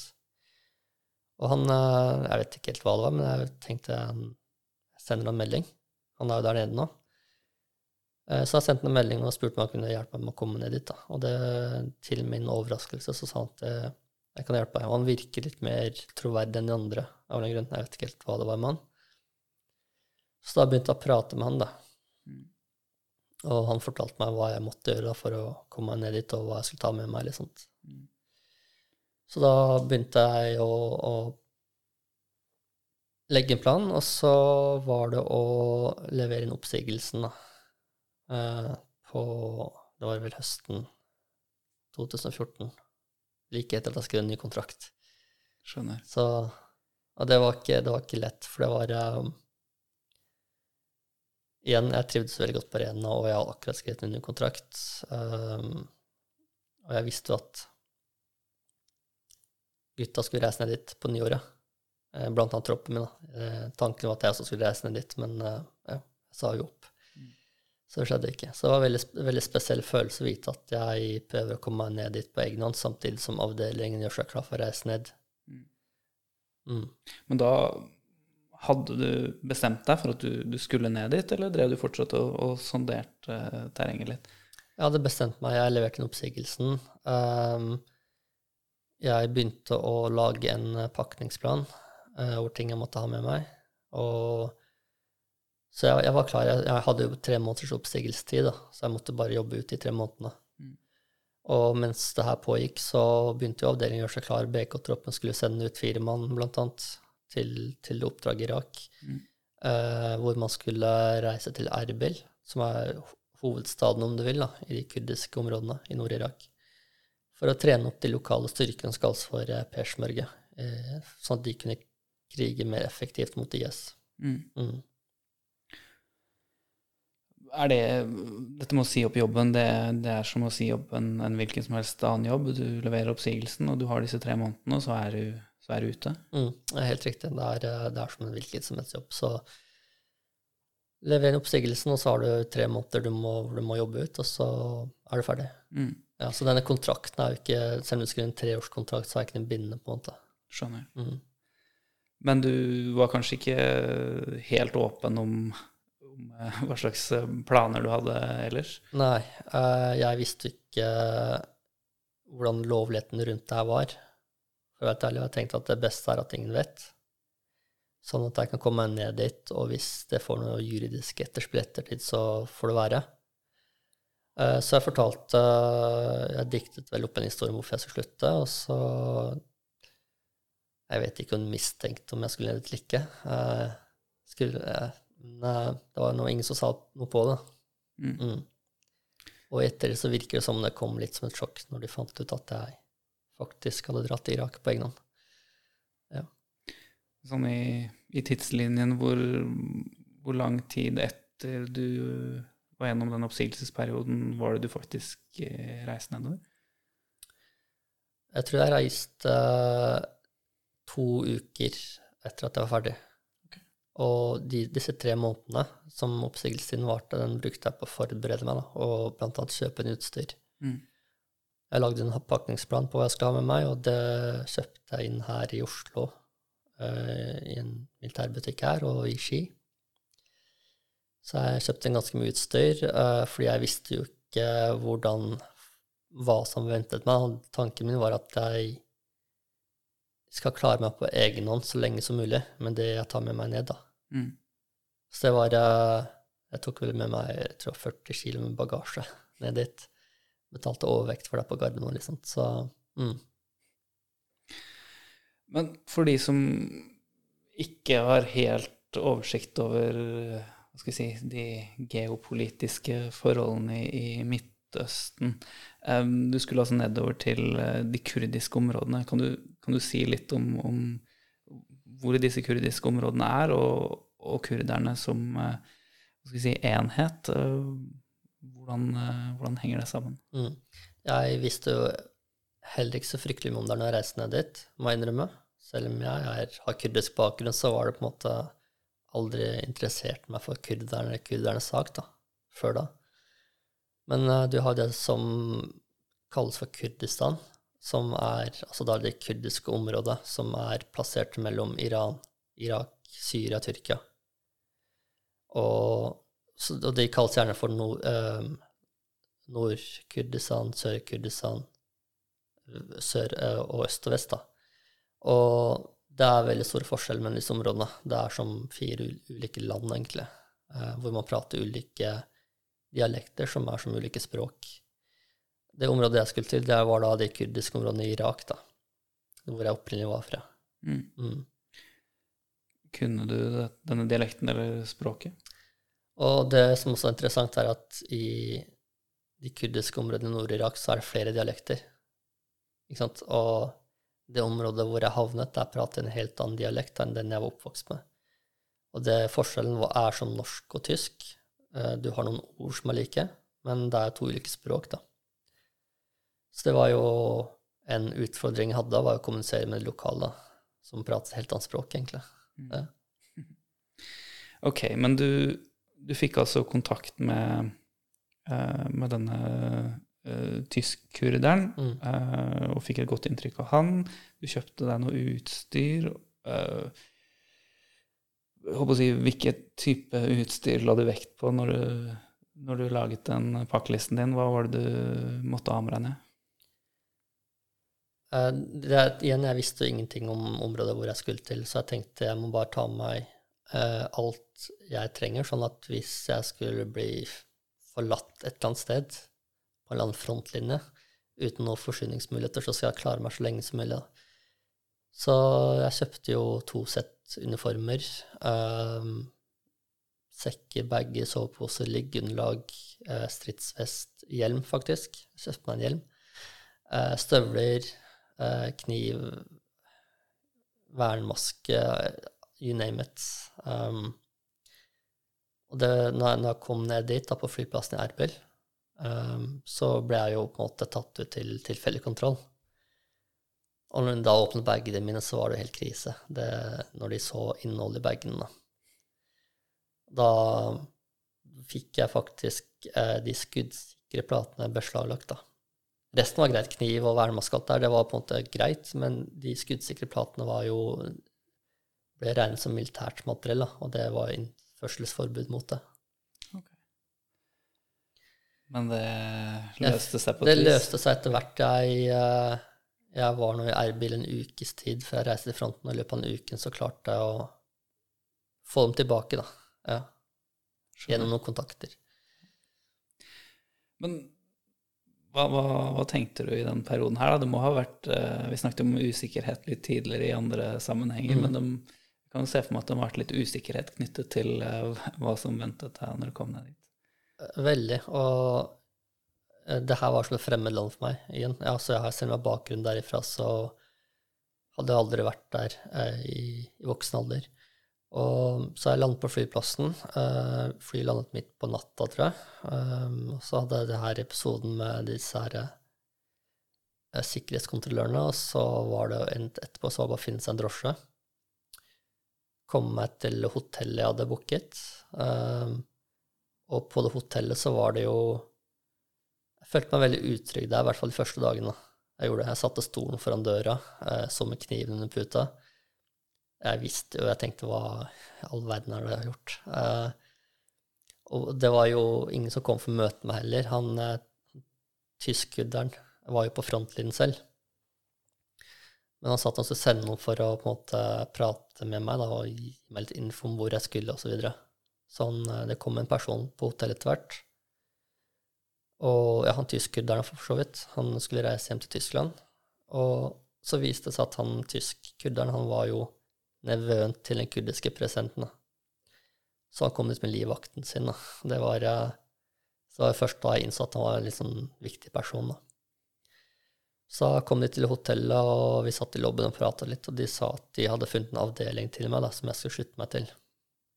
Og det var en avdeling som var ledet av en general som het Wahid Kole, som var visstnok veldig kjent. da. Og da tenkte vi at det er liksom, ok, en general, en, da er det sikkert en ordentlig militær avdeling jeg skal til. Men um, jeg tok jo feil der òg, det var jo ikke det, viste det seg. Men da var det da var det å bli på hotell et par dager til, og så kom det en drosje et par dager etterpå og hentet meg og skulle kjøre meg til denne fronten, som lå en del timer unna. Mm. Mm. Jeg holdt på å si, hvem, Vi snakket jo tidligere om at uh, familien din var litt skeptiske når du skulle til Afghanistan. Mm. Kan vel ikke ha vært så veldig mye mindre skeptiske denne gangen. Hva, eh, snakket du noe med dem eller med andre folk i det hele tatt om Ja. at du skulle nedover? Ja, jeg gjorde det. Jeg måtte fortelle, fortelle familien jeg skulle dit, Uh, og da var det igjen helt krise. Men uh, jeg fortalte dem at jeg skal ikke ned dit for krigen. jeg skal ned dit for å drive med Jeg husker ikke helt hva jeg sa om det var hjelpearbeid, eller annet. Jeg sto ikke på fronten, i hvert fall. Jeg sto ikke i krigen. Uh, men, men likevel, da. De igjen, nok en gang så prøvde å overtale meg til å bli, da. Men det Ja. De aksep- aksepterte til slutt, da, sånn som da jeg skulle til Afghanistan. Mm. Og det var de, selv om igjen da, selv om vi er kurdere, og, og de også var jo veldig på en måte lei seg for det som skjedde der, så ville de ikke at jeg skulle være en del av det. Mm. Hvordan er det kontra når du drar til Afghanistan, hvor du har støtte fra et helt forsvar og forsvarssystem med allierte og støtteelementer og en nasjon i ryggen, hvor når du drar alene og ikke har noe? Ja, det var den største forskjellen, da. Det var at jeg følte meg veldig, veldig alene. Og, men likevel så var jeg veldig motivert. Uh, mer motivert enn jeg reiste til Afghanistan. For det, her ble nesten litt sånn personlig, da. Um, så jeg var jo på en måte innstilt på at det her skal jeg klare, det her skal jeg gjennomføre. Og, men ja, det, det var veldig stor forskjell. Jeg reiste ned dit mutters alene, uh, uten å få på støtteapparat. Um, ingen jeg kunne ringe hvis noe gikk galt, da. Mm. Um, hva, eh, hva Hva skjedde etter at du var blitt tatt hånd om av han eh, tyskereren? Nei, altså, som sagt så kom en drosje og hentet meg noen dager etterpå. Um, og det var en faktisk en slektning av meg, visstnok, som uh, hadde ordna denne drosjeturen. da. Um, og drosjesjåføren var politimann i tillegg, så han var, hadde med seg pistol og sa liksom jeg kan passe på deg hvis noe skulle skje. Uh, så jeg følte meg litt sånn betrygget uh, under den turen. Uh, og så kjørte vi til en by som heter Duhok. Det var hvor denne generalen skulle møte meg. da. Så kom vi til Duhok etter et par timer, og så viste det seg at generalen var ikke i Duhok likevel. Han var på en eller annen frontlinje. Eh, og han drosjesjåføren jeg kom med, han ville ikke kjøre dit. da. Han mente at det var veldig farlig. Det var farlig område, han skulle ikke videre. Så da måtte jeg finne en lokal drosjesjåfør da, til å kjøre meg ut i frontlinjen. Um, det var også en opplevelse. Han, uh, han pratet jo en annen dialekt enn det jeg gjorde. Jeg visste ikke hvem han var. Jeg visste ikke hvor skulle. Jeg var innstilt på å møte generalen i denne byen. da. Men jeg kastet opp bagasjen i bilen, og så satte jeg kursen mot den frontlinja. Og det var en, kjørte på en times tid, tror jeg. Og da følte jeg meg um, Følte meg litt sårbar, da, må jeg innrømme. Uh, jeg så at vi kjørte mot Mosul, som jeg visste var på en måte IS sin hovedstad. Det var sitt langs veien hvor det sto Mosul, og så så jeg bare vi kom nærmere nærme Mosul. Så jeg var, eh, jeg var jo forberedt på at eh, også for alt jeg visste, så kunne han finne på å selge meg til IS. Det var jo kurdere som samarbeidet med IS. Så jeg hadde jo eh, lommekniven da, klar i lomma, i tilfelle. Ja, for på, på det her tidspunktet du har tatt med deg mye utstyr du kunne bruke i et militært sammenheng, men du har ikke, du har ikke fått tak i noe våpen da? Nei, jeg hadde kun eh, Og jeg reiste sivilt, selvfølgelig. Jeg hadde alt av uniformer og den type ting i bagasjen. Eh, Men jeg hadde en, en lommekniv på meg, da. Og det var Jeg tenkte hvis, hvis noen stopper oss nå, altså hvis vi stopper på en checkpoint, og der står noen skjeggete karer med, med AK-er eh, som har tenkt å kidnappe meg, så, så tar jeg ut drosjesjåføren med kniven, og så får det som skjer, bare skje. Så det var, den, det var jeg innstilt på, da. Og jeg så det for meg under hele turen. Jeg måtte på en måte forberede mentalt på det, for det er jo ikke bare å Hva skal jeg si Du kan ikke bare knivstikke en person sitt ved siden av sånn uten videre. Du bør ha tenkt litt på det. Så jeg var sånn mentalt forberedt på at det kunne skje. da. Jeg visste ikke om Han pratet telefonen underveis på et språk jeg ikke forsto. Vi kjørte mot Mosul. Um, så jeg tenkte at hvis, no, hvis det er ei felle, uh, så, så tar jeg ut han, og så får de andre bare skyte meg, hva som enn måtte skje, da. Skjønner. Um, vi, vi var litt inne på det i sted, delvis. Du fortalte jo familien din hva som var motivasjonen din. Uh, hva var det egentlig som var eh, motivasjonen din eh, for, for å reise ned dit og bidra? Det var jo, jeg vil si det var todelt. Eh, Jeg ble jo oppriktig, oppriktig provosert av det som foregikk, eh, mens verdenssamfunnet bare så på. Men eh, det var jo også et ønske om å oppleve strid. Da. Det var jo kanskje, I ettertid så har jeg kanskje vært ærlig med meg selv og sagt at det var nok hovedmotivasjonen. Jeg hadde vært på arena i fire år og trent på det her dag ut og inn. Um, og det, så jeg, jeg følte meg litt, for å bruke sammenligna, en, en fotballspiller da, som kun trener kamper og aldri får spille en, en ordentlig kamp. da. Så det var litt av motivasjonen min, og jeg tror også at når jeg var på arena og jeg pratet med de andre gutta som var etnisk norske, um, og som ikke hadde noe tilhørighet til Kurdistan i det hele tatt, um, men som likevel reiste ned for krigen, så tror jeg det er flere som følte følte litt sånn. da. Og det er jo ikke eh, politisk korrekt å innrømme, men jeg tror mange soldater, spesielt yrkessoldater, føler det sånn. da. De har et ønske om å oppleve strid. Så jeg så en mulighet der for, at, for å faktisk havne i strid, da, og samtidig kjempe for en god sak. Så det var nok Når de to tingene her var på plass, så klikket det på en måte, og så var det bare å gjøre det.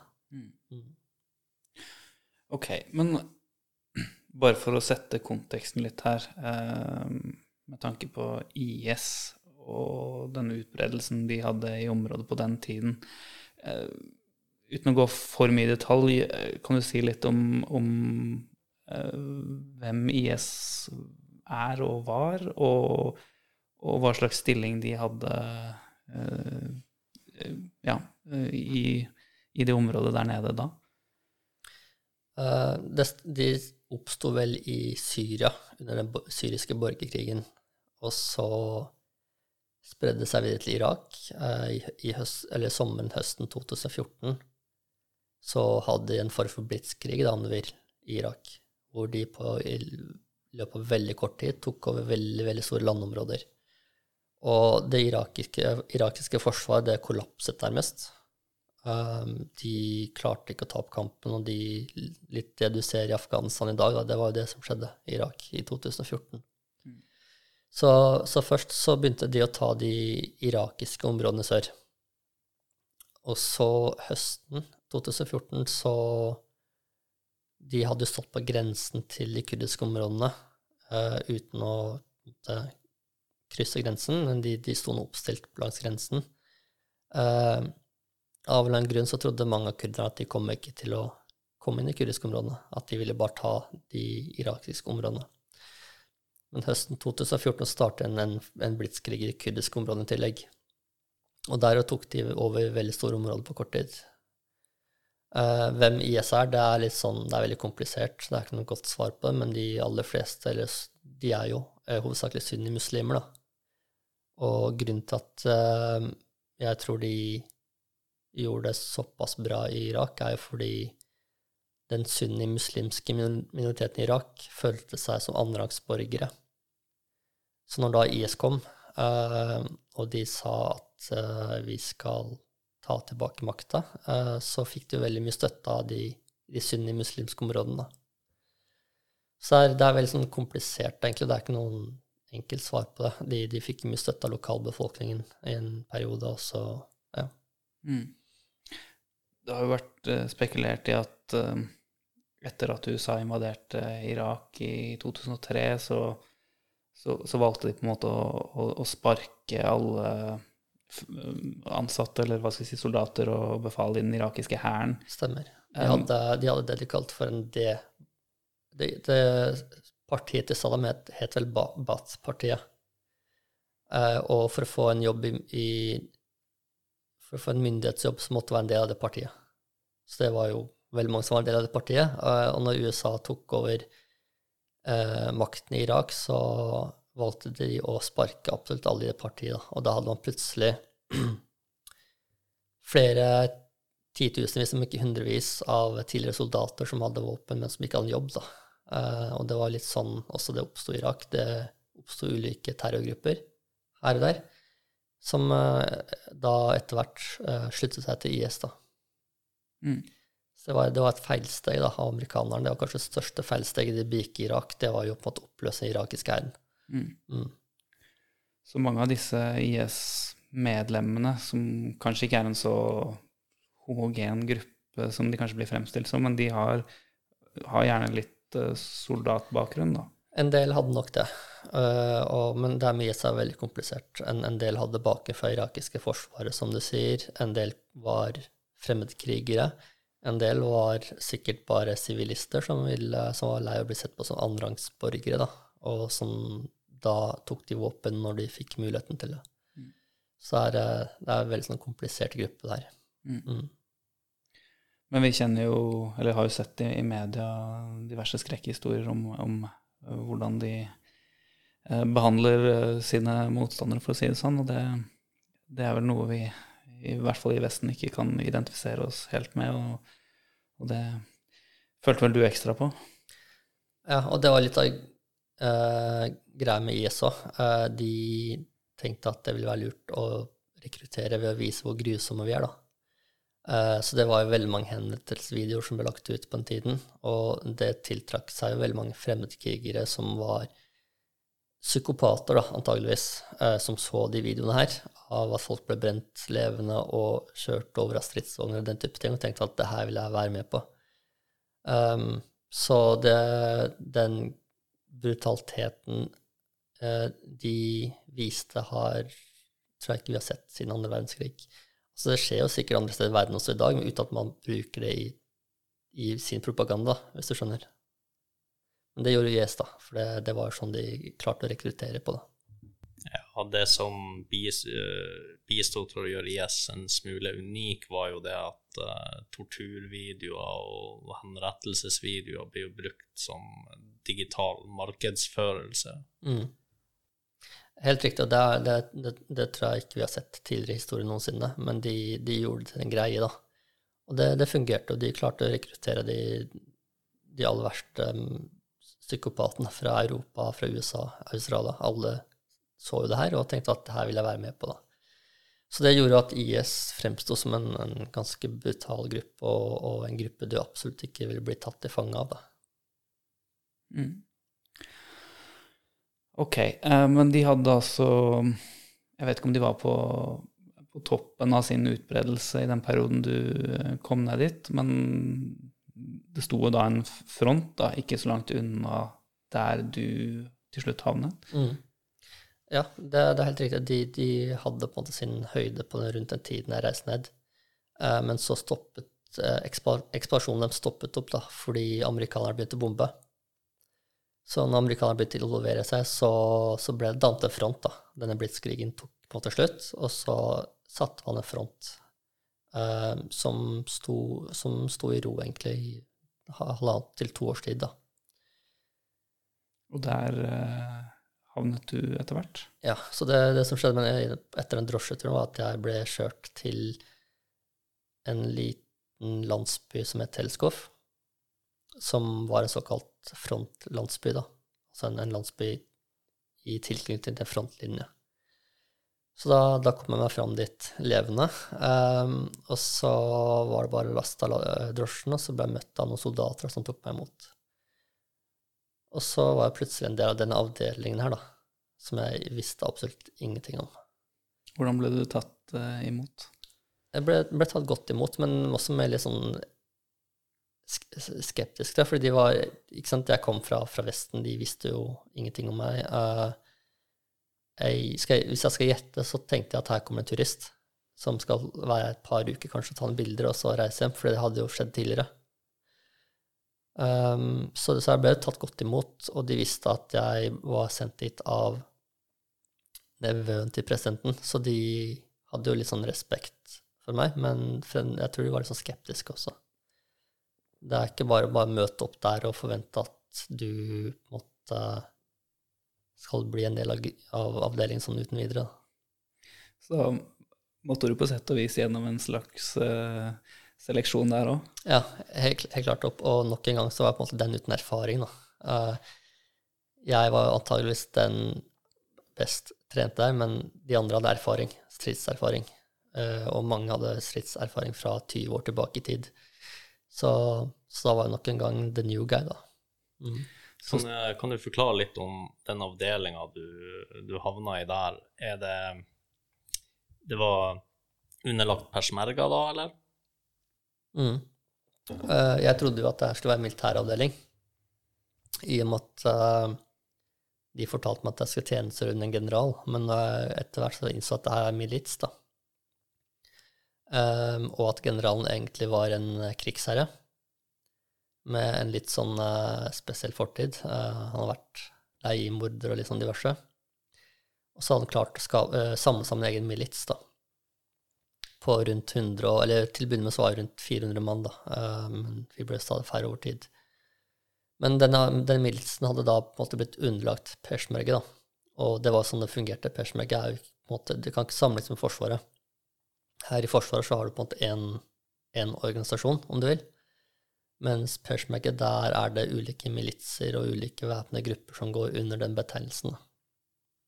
Og noen er mer profesjonelle enn andre. Noen har trente soldater som får lønn, og som får bra utstyr.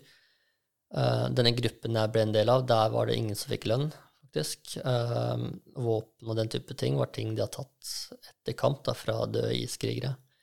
Så alt ble finansiert av denne krigsherren, da, om du vil. Uh, så det var, det var, litt annerledes da, enn det jeg hadde drevet med tidligere i Forsvaret. Ja. Men hvordan um organiserer eh, disse forskjellige militsene seg? Snakker de med hverandre? Koordinerer de noe seg imellom? Uh, ja, de gjør det. Og alle er på en måte underlagt uh, en, um, en slags uh, kommando. så det er, en for, er for hierarki, da, om du vil. Og noen får lønna, som sagt, men akkurat denne militsen jeg var en del av, var, fikk jo ikke det, da. Den ble sett på som litt mindre viktig og antageligvis pga. historikken til denne generalen. Da. Han var jo veldig godt kjent, fant jeg ut. Uh, absolutt alle i det området visste hvem han var, og han var veldig høyt respektert. Men igjen, eh, når du har bakgrunn som en kjent leiemorder, så er det slik at uh, litt høyt oppe i systemet vil ikke på en måte bli for assosiert med det. At de holder deg litt på avstand. Og det var litt sånn vi hadde. Vi så jo naboavdelingen få tilført masse nytt utstyr og den type ting. De fikk lønn, og så fikk vi absolutt ingenting. Hvordan, hvordan klarte du deg da? Jeg klarte meg fint. Uh, men som sagt, vi var rundt 400 mann i avdelingen da jeg kom dit, i februar 2015. Da jeg reiste med oktober 2016, så var det rundt 150 mann. Og det var fordi de fleste fikk jo nok. De fikk ikke lønn, de fikk uh, Altså, vi fikk knapt mat, da. Um, de, måtte innimellom dra på plyndringstokt. Uh, så det var uh, jeg, jeg, følte at jeg klarte meg bra. Jeg faktisk, jeg vokste veldig mye på den opplevelsen av å leve under de forholdene. Og jeg var der konstant. De lokale jeg var en del av. Uh, de i avdelingen de var der i en uke, og så hadde de en uke fri. da. Den uka de hadde fri, så ble de sendt hjem, hvor de kunne jobbe litt, da, kjøre drosje eller jobbe i butikken til familien sin, et eller annet, da, for å prøve å få litt penger. da. Men jeg var der konstant, da, eh, over tid. Og jeg trivdes med det, faktisk. Jeg følte at jeg vokste på det. Eh, så, og det gjorde også at jeg fikk respekt etter hvert av de i avdelingen. Eh, de innså at jeg ikke var bare en turist. Um, og mange ble jo på en måte De prøvde å overtale meg til å ta, meg, ta en reise hjem til Norge, bare ta, ta en perm. Men jeg var veldig innstilt på at jeg skal være her til jeg har opplevd strid. Ja. Mm.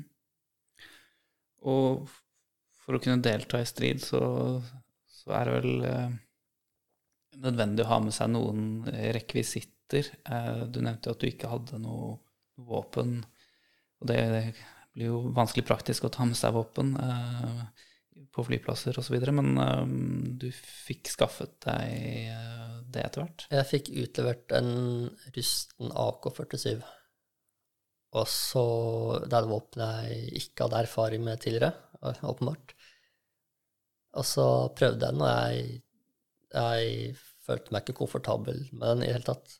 Um, så jeg sa at uh, er det muligheter for meg å kjøpe egne våpen? Og det var det. Det var et våpenmarked i nærmeste byen, som var Duhok igjen. Um, så jeg ble kjørt dit en dag. Tatt med på, på det våpenmarkedet, og da fikk jeg vist fram litt diverse våpen. da. Så jeg endte opp med å kjøpe en M16, en gammel M16-rifle og en uh, helt ny Glock. Glock 19 var det vel. Og en del ammunisjon. Og det var sånn det fungerte her. De, de lokale avdelingene fikk jo heller ikke eh, kjøp, utlevert våpen, stort sett. Ofte måtte de kjøpe selv, da, eller ta det, eller plyndre det. Mm. Kan, eh, kan du si noe om hva som var på den våpenmenyen, og for så vidt, hva var prislappen på det du endte opp med å kjøpe, da? Det var hovedsakelig M16-rifler og av den gamle typen. altså hvis jeg skal gjette, så er det her våpen amerikanerne tok med seg i 2003, under invasjonen i 2003. Og så har det blitt donert da, til de lokale. Eh, så det er snakk om veldig gamle våpen, men prisen var jo helt hinsides. Og det skyldtes at det var stor etterspørsel til våpen. Så jeg betalte vel 2200 dollar for en M16-rifle. Eh, Jeg vet ikke helt hva det blir i kroner, en 20 000 kanskje. Ja. Gammel, gammel eh, M16-rifle uten optikk eller noe som helst. Eh, Glocken kosta faktisk enda mer, det kosta 3000 dollar. Og jeg hadde mulighet til å kjøpe en billigere pistol, men en brukt, da. Men det, det jeg tenkte med Glocken, var at eh, det er et våpen jeg antakeligvis ikke vil bruke i strid, men det er på en måte min forsikring mot å ikke bli tatt i livet. Så da Jeg kunne ha kjøpt en billigere pistol av et, et, tyrkisk merke, men den var kjent for å få klikk, da. Det, så derfor tenkte jeg at det her blir på en måte forsikringen min, om du vil, sånn at jeg ikke blir tatt i livet. Så da, da kjøpte jeg den for eh, jeg, brukte vel rundt eh, 6000 dollar, tror jeg, eh, på våpen og ammunisjon eh, den dagen. Skjønner. Um, når merket du uh, trusselbildet fra, fra motstanderne der nede for første gang? Jeg ankom frontlinjen på natta, uh, og allerede morgenen etter så begynte granatene å slå ned da, i denne landsbyen hvor jeg bodde. Så det var fra, fra dag én, altså. Mm. Og det, det var litt interessant, fordi jeg Vi satt utenfor et hus, eh, rolig stemning, folk satt og pratet og drakk te, og så hører jeg noe eh, eksplosjoner, da. Eh, ikke så veldig langt ifra der vi var. Og så titta jeg meg rundt, men det var ingen som reagerte. Så jeg tenkte, var det, hørte jeg riktig? Var det en eksplosjon? Så, så kom det flere, av så måtte jeg spørre til slutt hva, hva er der. Eh, og da pratet jeg med en faktisk en eh, svensk kurder som var der. En, eh, han har vært der over tid. Eh, så jeg pratet svensk, eller norsk, vi pratet norsk og svensk, da. Eh, og han sa at eh, det er bare noen granatnedslag fra IS som holder til i nabolandsbyen, da, tre kilometer cirka fra oss. Men det var hverdagen deres, da. De var vant til det, de reagerte ikke på det. Og da var det som om jeg også på en måte jeg, Hva skal jeg si Jeg tilpasset meg veldig fort den situasjonen. Så jeg senket skuldrene og tenkte at ok, det er bare sånne ting er der. Så det er ikke noe å stresse over, da. Så jeg um, Jeg kom veldig fort inn i det, om du vil. Uh, Tilpasset meg på en måte beredskapsnivået deres, da. Uh, mm. Mm. Og de som skjøt mot dere, var ikke nødvendigvis like godt drillet som eh, BK-troppen på Rena? Nei, det her var uh, eldre granatrør uten noe optikk. Eh, de, det var veldig tilfeldig, da, hvor, eh, granaten landet. Men samtidig så hadde jo de gjort det her i flere måneder, så de visste sånn cirka hvor de skulle på en måte sette opp røret, og i hvilken vinkel. da. Så det hendte jo at de var heldige og fikk inn noen treffere. Eh, bare et par uker før jeg kom, så hadde jo broren til generalen og tre andre mistet livet når en granat slo ned i gropa deres. da. Så de var, de var fire mann i en grop, og så traff granaten rett ned i gropa. Så så det innimellom så fikk de noen treffere. De gjorde det. Hvor, eh, hvor lenge oppholdt du deg der den første eh, perioden, og holdt på å si Fikk du oppleve det du var ute etter? Det, den første, det første perioden eh, Jeg var der seks måneder i strekk til å begynne med. Eh, seks måneder i strekk på den samme frontlinjen, samme landsbyen. Um, og vi fikk veldig mye Vi fikk daglige granatnedslag. Uh, det ble på en måte Det var hverdagen, da. Men uh, det var ingen store angrep mot frontlinjen, med, med ett unntak, tror jeg, hvor de prøvde seg en dag. Um, så det var ikke helt som jeg forventa, for helt ærlig. Jeg trodde det skulle være mer dynamisk. Jeg trodde vi skulle frem, eller at de kom til oss. Men det var en frontlinje som var satt, da, og den sånn skulle være, ble fortalt. Vi holder den frontlinjen til vi får beskjed, og så, når vi skal ta Mosul, som lå noen kilometer unna, så, så trekker vi fram. Men inntil da så skal jeg bare oppholde oss her, da. Så jeg var der i seks måneder i strekk, og det var uh, hva skal jeg si? Uh, det var en hverdag preget av granatnedslag, lite mat, lite søvn, eh, så jeg ble veldig sliten. Um, men likevel, jeg ville ikke reise hjem, da. Fordi jeg tenkte at hvis jeg reiser hjem, så kanskje det skjer noe her. Og så går jeg glipp av strid. Så var det litt, litt den holdningen jeg hadde. Men etter seks måneder så var jeg helt utmattet. Så da, da reiste jeg hjem til Norge på, for en liten perm, da, om du vil. Mm. Si, hvordan gikk det? Var, det? var det bare å reise hjem og problemfritt, eller?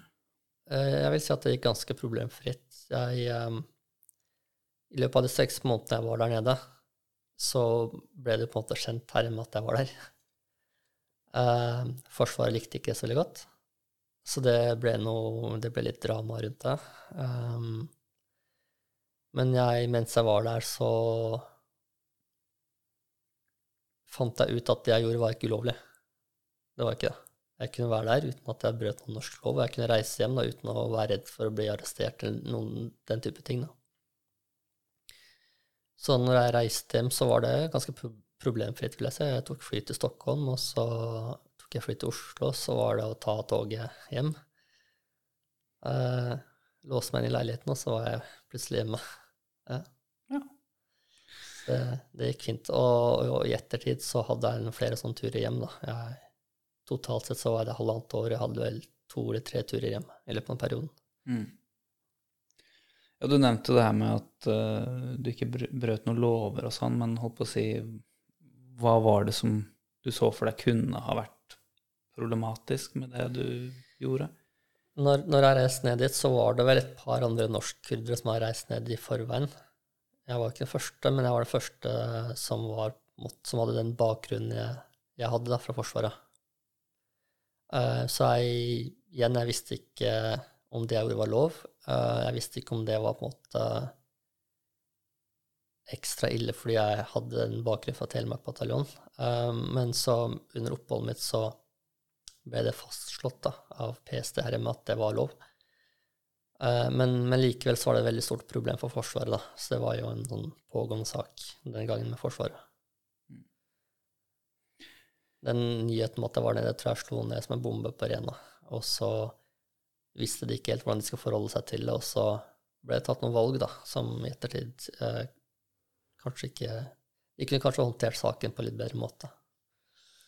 Ok, men vi, vi snakket om det tidligere, at du, du var jo ansatt og hadde det som en vanlig jobb, og du hadde da sagt opp den jobben og var ute av systemet. Og på å si, hva var dynamikken, eller hva var problemet der? Mm. Ehm, for å ta hele historien, da. Uh, mens jeg var i Irak, jeg har vært der et par uker, så hadde jeg laget meg en Instagram-konto hvor jeg la ut noen bilder fra frontlinjen. Uh, for jeg innså at jeg, jeg kommer antakeligvis til å være over tid. Jeg trenger en form for inntekt mens jeg er der nede. Og da tenkte jeg at jeg lager Instagram-konto, og så starta med sånn uh, crowdfunding, da, som det heter. Samle penger, sånn at jeg kan bli her eh, på ubestemt tid. Så det gjorde jeg. Um, jeg valgte å ikke skri jeg valgte å unnlate å skrive bakgrunnen min. Jeg prøvde å holde litt anonymt, men det var veldig mange som forsto at her er det en soldat fra det norske, norske forsvaret, og de visste nok hvem jeg var, da. Så da, når de innså det her på Rena, så kalte inn hele kompaniet til et møte i Aurland og sa at eh, jeg var der nede sammen med en lokalavdeling. Eh, det jeg gjorde, det var ulovlig. Og når jeg kom hjem, så ville jeg havne i fengsel. Og de som tok kontakt med meg, de kunne risikere å miste jobben. Så da ble det en, en sånn fullstendig blackout for Arena, kan du si. Um, og først så trodde jeg på det her. Jeg tenkte er det virkelig lovlig? Uh, og det var litt derfor jeg involverte advokat i det her, da. Jeg tok jo kontakt med en advokat her hjemme, uh, Jon Christian Ellen, som er jo litt profilert. Eh, så han sa at han skulle ta saken min. Uh, og så tok han noen samtaler til PST, og så ble det klart at det her var, det her var ikke ulovlig. Men, men, likevel så var det et problem for Forsvaret. Altså de, de holdt igjen feriepenger og litt sånn diverse ting. og prøvde å gjøre, gjøre, ting vanskelig for meg, da, følte jeg. Det var i hvert fall sånn jeg følte. Og da tenkte jeg at ok uh, jeg, Det var ikke noe jeg planlagt, men jeg tenkte at her må jeg involvere media, da. Og da ble norske medier involvert. Dagbladet sendte to journalister ned dit, til, til, Irak, for å lage en sak om meg. Og så, så var det sånn det her ble sendt da, for uh, folk flest her hjemme, at jeg var der nede. Da var litt av, litt av sirkuset i gang? Ja, men det skal sies at den saken i Dagbladet løste jo en del av problemene. Jeg fikk utbetalt feriepengene samme dag som jeg var på forsiden på Dagbladet. Så sånn sett etter litt så var det riktig av meg å gå til media, føler jeg. Ellers så hadde jeg vært der uten disse pengene som jeg trengte. Skjønner. Et lite sidespor, men du nevnte jo denne Instagram-kontoen. Mm. Um, du fikk uh, etter hvert en del følgere der. Uh, Instagram-kontoen Persmerga Nord. Hvordan uh, utviklet det seg? Da jeg laget kontoen, um, så hadde jeg ikke en, en, veldig konkret plan, men jeg tenkte jeg lager en konto, legger ut noen bilder, og så kanskje det her kan føre til en, en form for inntekt. Da. Uh, så jeg lagde en konto på det som heter uh, GoFundMe, og samlet inn litt penger på kort tid, fordi folk syntes det var veldig kult. Da. Du har en vestlig soldater som har reist ned for krigen mot IS, han dokumenterer det han gjør. Og det var ingen andre som har gjort det før meg, så vidt jeg vet. Og da så kom det litt penger på den GoFundMe-kontoen eh, til den ble stengt. Den ble jo stengt etter et par uker. Eh, men da lagde jeg en PayPal-konto, så det, det fortsatte å komme penger da. Og over tid, som du sier, så vokste den kontoen. Uh, jeg fikk inn nok penger til at jeg kunne være der så lenge jeg ville, egentlig. Og i tillegg så kunne jeg også støtte avdelingen min. Jeg fikk inn mer penger enn det jeg trengte selv. Så da kunne jeg bruke disse pengene på å kjøpe mat, kjøpe en utstyr. Um, og, og, være en ressurs da, for avdelingen. Mm. Så det ble brukt mye penger på mat, eh, drivstoff, eh, ammunisjon og litt nattoptikk, faktisk. Jeg kjøpte en drone også på et tidspunkt. Mm. Har du noen formening om hvor eller hvem som donerte disse pengene? Eh, hovedsakelig amerikanere.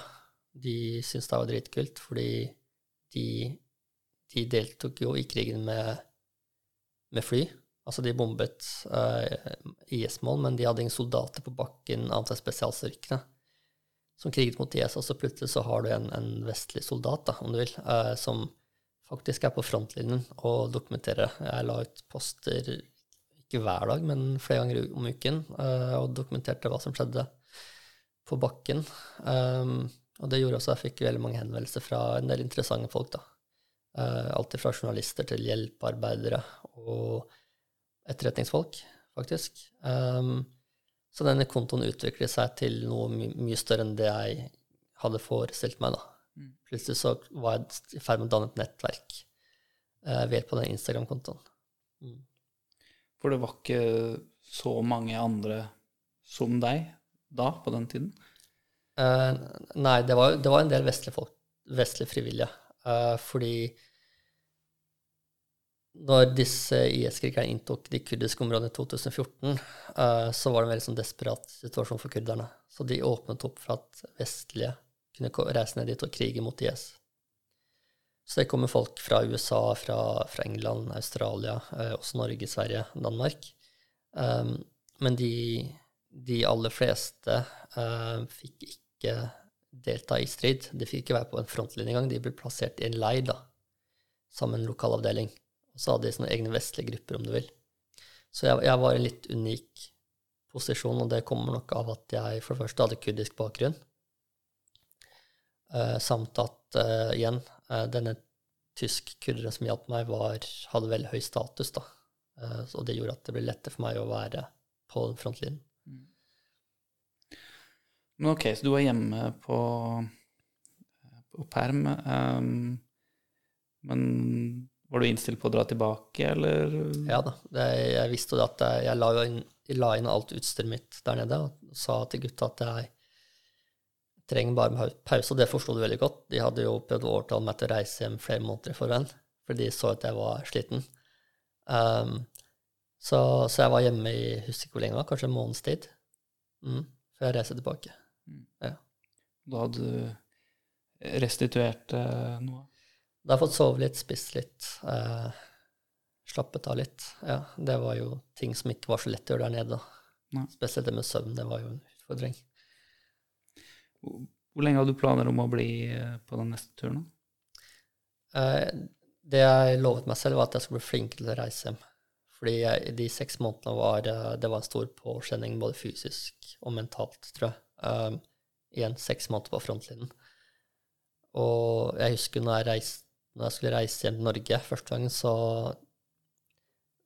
bestemte jeg meg for å ha en såkalt mellomlanding. Da. Det er sånn man ofte har med Forsvaret. Man er i utlandet, og så istedenfor å sendes rett hjem, da, så eh, har man en såkalt mellomlanding, gjerne i et annet land i Europa, om det er Sverige eller Nederland, hvor det er. Og så tilbringer man en uke der, da. Og prater med psykologer, eh, spiser middag og litt sånne ting, eh, sånn at man på en måte senker skuldrene til man skal hjem. Så jeg hadde en, en egen mellomlanding, om du vil, da, i Erbil, hvor jeg tok inn på hotell uh, for å sove litt. Og jeg husker når jeg la meg på senga, så var det, det var en ganske overveldende følelse. Jeg hadde ikke sovet i en ordentlig seng på et halvt år. Uh, jeg hadde ikke vært alene på et halvt år. Jeg hadde folk rundt meg konstant til enhver tid. Uh, så jeg, da lovte jeg meg selv at jeg blir Jeg må prøve å komme meg hjem i hvert fall hver tredje måned fremover. Ja, seks måneder ble litt mye. Mm. Og jo, du hadde økonomien til det? Ja, jeg hadde ingen inntekt, ingen inntekt fra Norge, men eh, donasjonene fra Instagram kom jo hele tiden. Mm. Så da hadde jeg råd til å egentlig være der på ubestemt tid. Og målet mitt var jo at jeg skulle være der til Mosul, som var IS sin hovedstad, eh, til den var eh, tatt tilbake. da. Det var et mål jeg satte meg ganske tidlig. Um, så det, når det kom til å skje, det var det ingen som visste, da. Man visste at det ville skje før eller senere, men det kunne ta litt tid, da. Mm. Det er jo ikke så mange som har, um, har vært på en, en, frontlinje og en nesten som en slags skyttergravskrig med assosiasjoner til første verdenskrig. Men hvordan er det man bevarer uh, uh, roen, holdt jeg på å si, eller hvordan er det man jobber uh, med seg selv for å, for å komme seg gjennom en sånn periode? Uh, jeg, jeg brukte veldig mye tid på Instagram, som sagt. Og det var litt interessant fordi det var bedre internettdekning der, altså det var 4G der, enn en det jeg hadde hjemme der jeg bodde den gangen, her i Norge. Uh, og det igjen, kinesere, de hadde bygd ut et uh, 4G-nett, da. Så jeg hadde jo god internettilgang. Jeg brukte min tid på Instagram, jeg brukte min tid med å prate med dama. Eh, vi pratet et par timer hver dag, egentlig. Og så hadde jeg en, eh, en hundeflokk da, som jeg tok meg av, og det var litt sånn Jeg vet ikke, kanskje det var litt terapi, jeg vet ikke. Eh, at jeg fant en måte å være litt sånn menneskelig på da, i all den galskapen som jeg så rundt meg hver dag. Så det var, det var en, en, en, flokk med hunder som jeg fant uh, en dag, og prøvde å ta vare på de da. Utviklet situasjonen seg noe etter at du kom ned der for andre gang? Var det noe bevegelse i, i frontlinjen? Veldig lite. Det var veldig, når jeg kom tilbake, så var det veldig så forandret. Um, så jeg var innstilt på å bare men, jeg, men jeg tenkte at før eller senere så skal vi rykke frem. Vi skal ta Mosul. Da vil det bli en annen type strid da, enn det vi så. Um, men nei, faktisk, når jeg tenkte meg når jeg kom tilbake andre gangen, så hadde jo avdelingen min reist derifra. De hadde reist til en by som heter Sinjar, som eh, var kontrollert av IS. Eh, så de hadde reist hit for å ta byen tilbake. Det en større militær operasjon.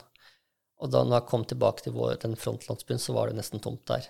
Og jeg tørnet jo nesten, nesten, fordi det var så typisk. Jeg reiser hjem, og så når jeg kommer tilbake, så har gutta dratt for å krige. Eh, så da ble det å kaste seg i en bil da, sammen med en annen offiser i avdelingen, for jeg sa at jeg, må, jeg skal dit. Det er, det er, ikke noe å diskutere, jeg må komme meg dit så raskt som mulig. Så jeg kastet meg en bil med en, med en eh, offiser og en annen soldat. da. Og så satte vi marsj mot Sinjar, som lå en del timer unna, eh, og håpet på at vi skulle rekke fram dit før striden hadde startet. Hvordan uh, utartet det seg? Uh, når vi kom dit, så var operasjonen i gang. Den hadde startet dagen i forveien. Det var en veldig stor operasjon. Det var um, jeg tror 6000-7000 uh, kurdiske soldater som deltok. Det var amerikanske spesialstyrker, franske spesialstyrker. Um, og når vi kom dit, så hadde de startet teppebombe byen med artilleri og fly. Uh, og avdelingen min de hadde inntatt en liten landsby rett utenfor byen da, dagen i forveien. Og de hadde opplevd strid. Så når jeg kom dit, så hadde jeg en følelse at jeg hadde på en måte uh, mista ut. Altså, på, på, for det, lå jo altså det var veldig synlige spor etter striden. Um, men så sa jeg at ok, det går, det går fint. Uh, byen er ikke tatt ennå, den skal vi ta i morgen. Uh, så jeg prøvde på en måte å slå meg til ro med at i morgen så får jeg oppleve strid. da. Og i denne, denne, lille landsbyen de har tatt, så var det jo en del IS-krigere som de enten hadde drept eller tatt til fange. da. Det var litt interessant, fordi de IS-krigerne de har tatt til fange, Eh, de ble satt i arrest et hus hvor det var en kvinnelig milits som hadde på en måte ansvar for vaktholdet. Så det var, litt, det var litt gøy, da. Uh, IS er jo kjent for å ha ganske kvalmt kvinnesyn, og her hadde de Nå hadde rollen snudd, da, kan du si.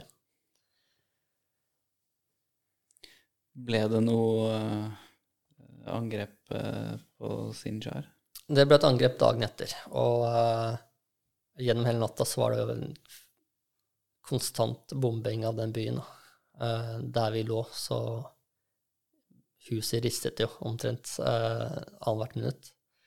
Uh, men så sov jeg, klart å få meg et par timer søvn, og så var jeg klar for å, for å ta byen dagen etter.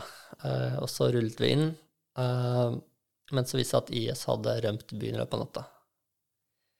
Så det var litt nedtur. Da, da var jeg ganske langt nede. Uh, så, så det var Sinjar. Det, der eh, var det ikke så mye action. Så, så aldri noe til uh, IS uh, der? Jo, vi, vi tok jo noen fanger. Det gjorde vi. Um, både såra fanger uh, og også Det vi gjorde, var at vi kjørte et stykke etter IS, ut av byen. Uh, og så kom vi til landsby litt sør for byen. Og der var det jo sivile Eh, men de kunne på en måte fortelle oss at uh, i det og det huset så er det folk som har samarbeidet med IS. Så brukte vi den dagen på å kjøre rundt og plukke opp disse folkene og ta dem til fange. Det også var for så vidt en, en, ny opplevelse. Å være med på å ta det som i praksis er krigsfanger. da. Mm. Um, så det var, det var vitne til litt fangemishandling, som var nytt for meg den gangen. Uh, men som etter hvert ble på en måte, det ble vanlig der nede. Uh, det er sånn man bare er. Du tar en fange, og så er det dasker han litt rundt, og så uh, blir han sendt av gårde til etterretningen. Mm. Så det var litt sånn en del opplevelser der som jeg aldri hadde hatt, eller aldri hadde hatt fra Afghanistan. Mye, mye, selv om jeg ikke opplevde strid sånn sett, så var det mye nye opplevelser. Uh, jeg så jo også døde kropper for første Nei, det var ikke første gangen, men uh, det var en del døde kropper som lå, lå, litt overalt, for hele byen var bombet søndre sammen. Mm. Og jeg vet at selv nå, seks år etter, så er, er byen uh, fremdeles i ruiner. Da. Det, gjenoppbyggingen av det Sinjar tar tid. Vi snakket litt om det i en tidligere episode, med at man man kan jo forberede seg så mye man klarer på, på forhånd på det man tror man vil møte når man kommer ned dit, men at man, man kanskje kommer til et punkt hvor man får et slags uh, en slags reality check, da, og en, hvor du får se et litt annet verdensbilde enn det du er vant med hjemmefra. Var det på en måte noe som var et, et slags en sjokkartet opplevelse, eller, eller, var det på en måte noe du gradvis hadde blitt tilvendt, og, og at det ikke kom som en like stor eh, overraskelse, da, altså hva skal jeg si, brutaliteten mm. på fronten der nede. Jeg, jeg, tenkte veldig mye på det på forhånd, på hvordan jeg ville reagere første gang jeg ser f.eks. en død kropp. da. Uh, og første gangen, det var vel rundt tre-fire måneder etter at jeg kom ned dit først, uh, og da var det Da hadde IS angrepet fronten vår, og de hadde mistet et par mann da, som vi hentet. da, og Første gang jeg så en død kropp, da var det Jeg tok det overraskende bra. Jeg gjorde det, Og jeg vet ikke hva det kom av. Kanskje det var fordi det var en IS-kriger som man på en måte, i hvert fall den gangen jeg ikke hadde sånn veldig mye sympati for. da. Eh, og så hadde jeg også på forhånd, eh, som du sier, eh, mentale forberedelser er veldig viktig. Og jeg hadde gjort det jeg trodde jeg kunne gjøre forhånd. lest litt. Lest noen bøker om hvordan det er å være i strid, og den type ting. da. Så jeg, jeg tilvente meg det veldig fort, føler jeg. Uh, det å se døde kropper og sånne ting, det ble ikke noe Det plaget meg ikke. Uh, enkelt og greit. Jeg ble veldig fort vant til det. Og jeg vet jo i ettertid Jeg har pratet med andre som var der nede, eh, som kom fra, fra Europa, da, og de Der og da så virket det som om de også på en måte tok det på samme måte som meg. Det plaget meg ikke, men jeg vet at i ettertid da, så har jo de slitt litt. Um, det har jeg vært heldig og sluppet unna, da. Hva det kommer av, det er litt vanskelig å si. Men uh, ja, det ble, det ble, på en måte ikke hverdags, men det ble vanlig da, å se døde kropper, og både Finn og våre egne, uten at det gikk inn på meg. Mm. Ok, og sett fra et litt sånn militært perspektiv, eh, kan du si litt om, om IS som stridende organisasjon? Hvordan var de organisert? Hvordan taktikker hadde de? Hvordan var, de, var det de opererte? På, på, fronten vår så var det en stillingskrig. da. De, vi hadde vår frontlinje og vår frontlandsby, og det hadde, det hadde de òg. Uh, og det var mye indirekte ild. altså De skjøt med raketter og bombekastere. Noe av det var hjemmelaget. De lagde egne raketter. Uh, og det hadde blitt veldig flinke på. da. Um, og så hadde de innimellom forsøk på å bryte den fronten vår. Um, akkurat hvordan de er organisert, det vet jeg ikke. Jeg satt meg aldri inn i det. Men um, de var jo flinke da, på å modifisere kjøretøy, altså pansre dem. De kunne ta vanlige kjøretøy, de kunne ta bulldosere, lastebiler, pansre dem veldig godt. Og det gjorde at, og ofte så hadde ikke vi våpensystemer som klarte på en måte å stoppe det her. da. Um, så det var mye hjemmesmekk, da, kan du si. Um, de brukte de ressursene de hadde, og de var veldig flinke, altså, uh, sånn sett. Og så det var veldig sånn ukonvensjonell krigføring. Det var det. De kjøpte til og med droner, sånn som du kjøper her hjemme på Elkjøp, og satt på eksplosiver, da. Så, og det var veldig nytt den gangen. Det har blitt mer utbredt nå, men den gangen så var det veldig, veldig nytt. Mm, så de var flinke til å være innovative, da.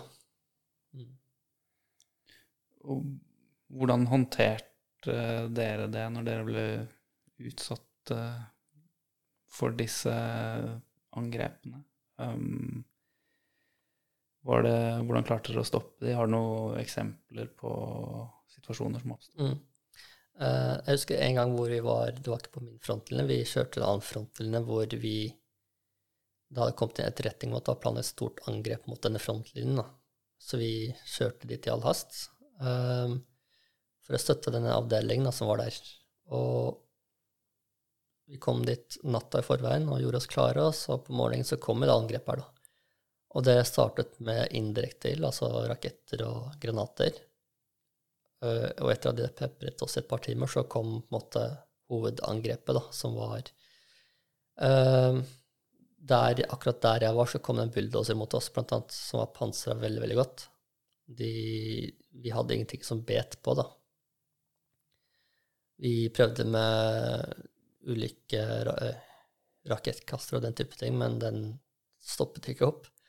Eh, og rett når den var bare, jeg vet ikke, det kan ha vært 50 meter fra oss, eh, så kjørte den seg fast i en, en liten grav da, som vi hadde gravd. Så det var veldig tilfeldig. Uh, den prøvde å komme seg opp, og vi pepret løs på den med alt vi hadde, men den, den prøvde fremst å komme seg opp. Og hadde den kommet seg opp av den graven, så hadde vi vært ferdige, for den var lastet med eksplosiver. Så når den ikke kom seg opp, så antar sjåføren tenkte at ok, jeg sprenger meg selv her. Uh, og det gjorde han. Uh, og det var et voldsomt trykk, men det gikk bra, heldigvis, da. Vi mistet ingen mann akkurat på den hendelsen her. Igjen tilfeldigheter, da. Hadde den kommet seg over graven, så hadde jeg ikke klart å stoppe den. Mm. Eh, Hvordan var eh, sanitetskompetansen? Ikke er- eksisterende. Ja, ikke eksisterende. Så jeg var, jeg var antageligvis den som kunne Ikke at jeg er flink på sanitet, jeg hadde vel nivå to, eh, mest grunnleggende. Men uh, likevel så var jeg den som på en måte hadde mest kunnskap om sannhet. Og det var noe jeg prøvde å gjøre med, noe med, da. Uh, under oppholdet mitt der, så igjen, gjennom Instagram-kontoen min så ble jeg kontaktet av veldig mange ulike mennesker. Uh, og en av dem var en amerikaner som drev en hjelpeorganisasjon, da, som ønsket å komme på fronten vår og ta med seg vestlige veteraner for å trene på avdelingen min i sannhet. Holde et sannhetskurs, om du vil. En, en tre, tre uker langt kurs. Så da eh, la jeg til rette for det, da. Så jeg eh, organiserte hele fra fronten min, og så eh, dro jeg til Duhok, den nærmeste byen, for å møte den gjengen når de kom. Det var en gruppe på 10-12 vestlige, tror jeg, hvorav et par av dem var nordmenn, faktisk, med forsvarsbakgrunn. da. Um, en av dem var jo fra sambandstroppen i Telemark-bataljonen, som er kjent fra før.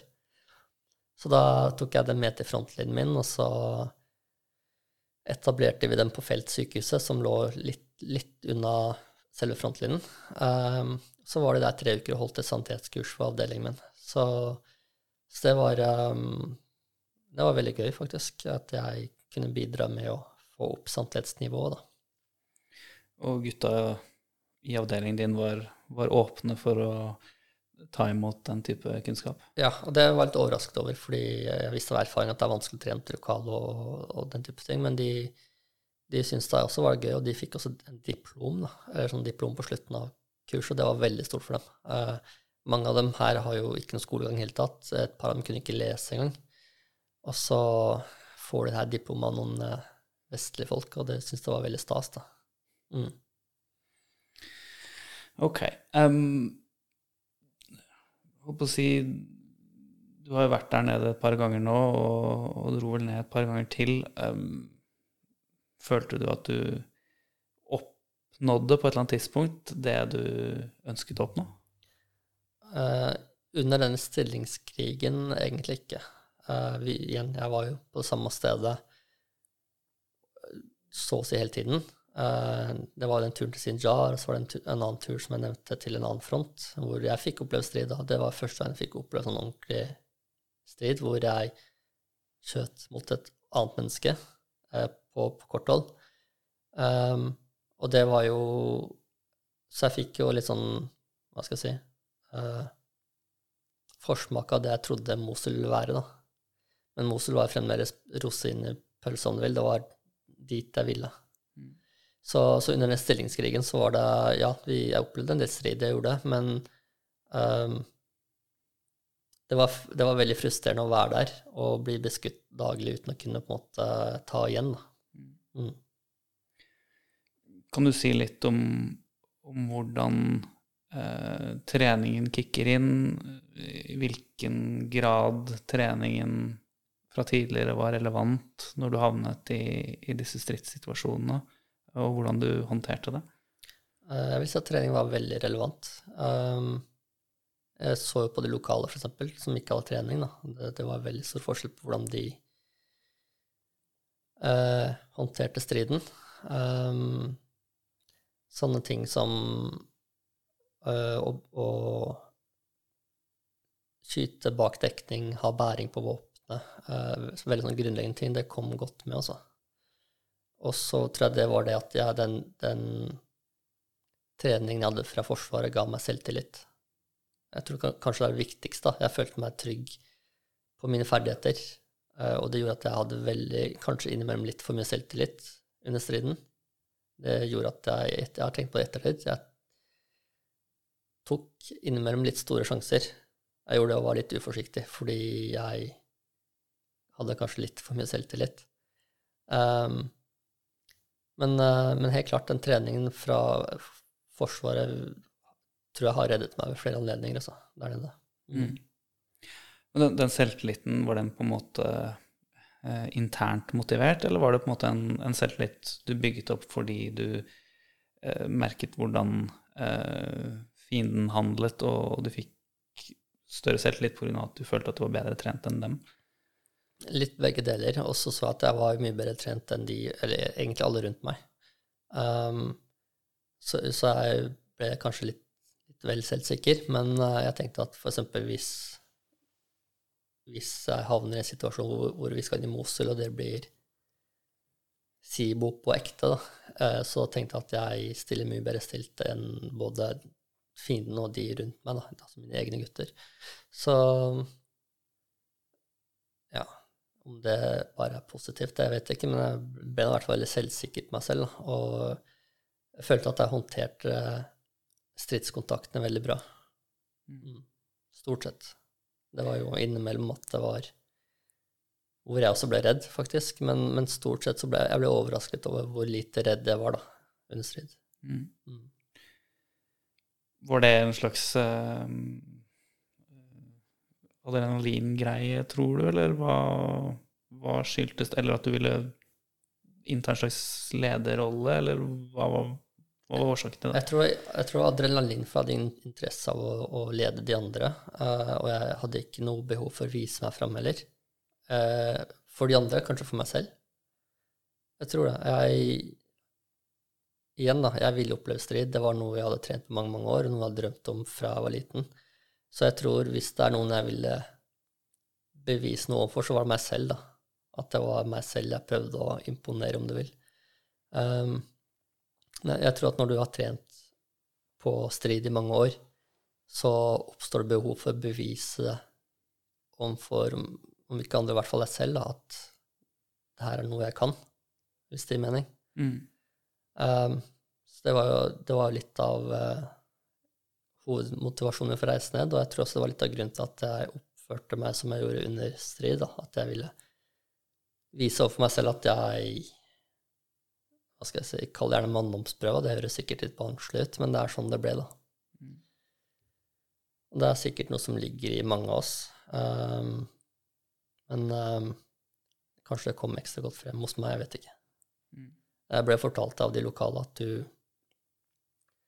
du tar for mange sjanser, da. Ja, det stemmer sikkert. Er det en slags lærdom også, da, at dette med at eh, håmod kan stå for fall, og at, eh, at man ikke må ta for store sjanser?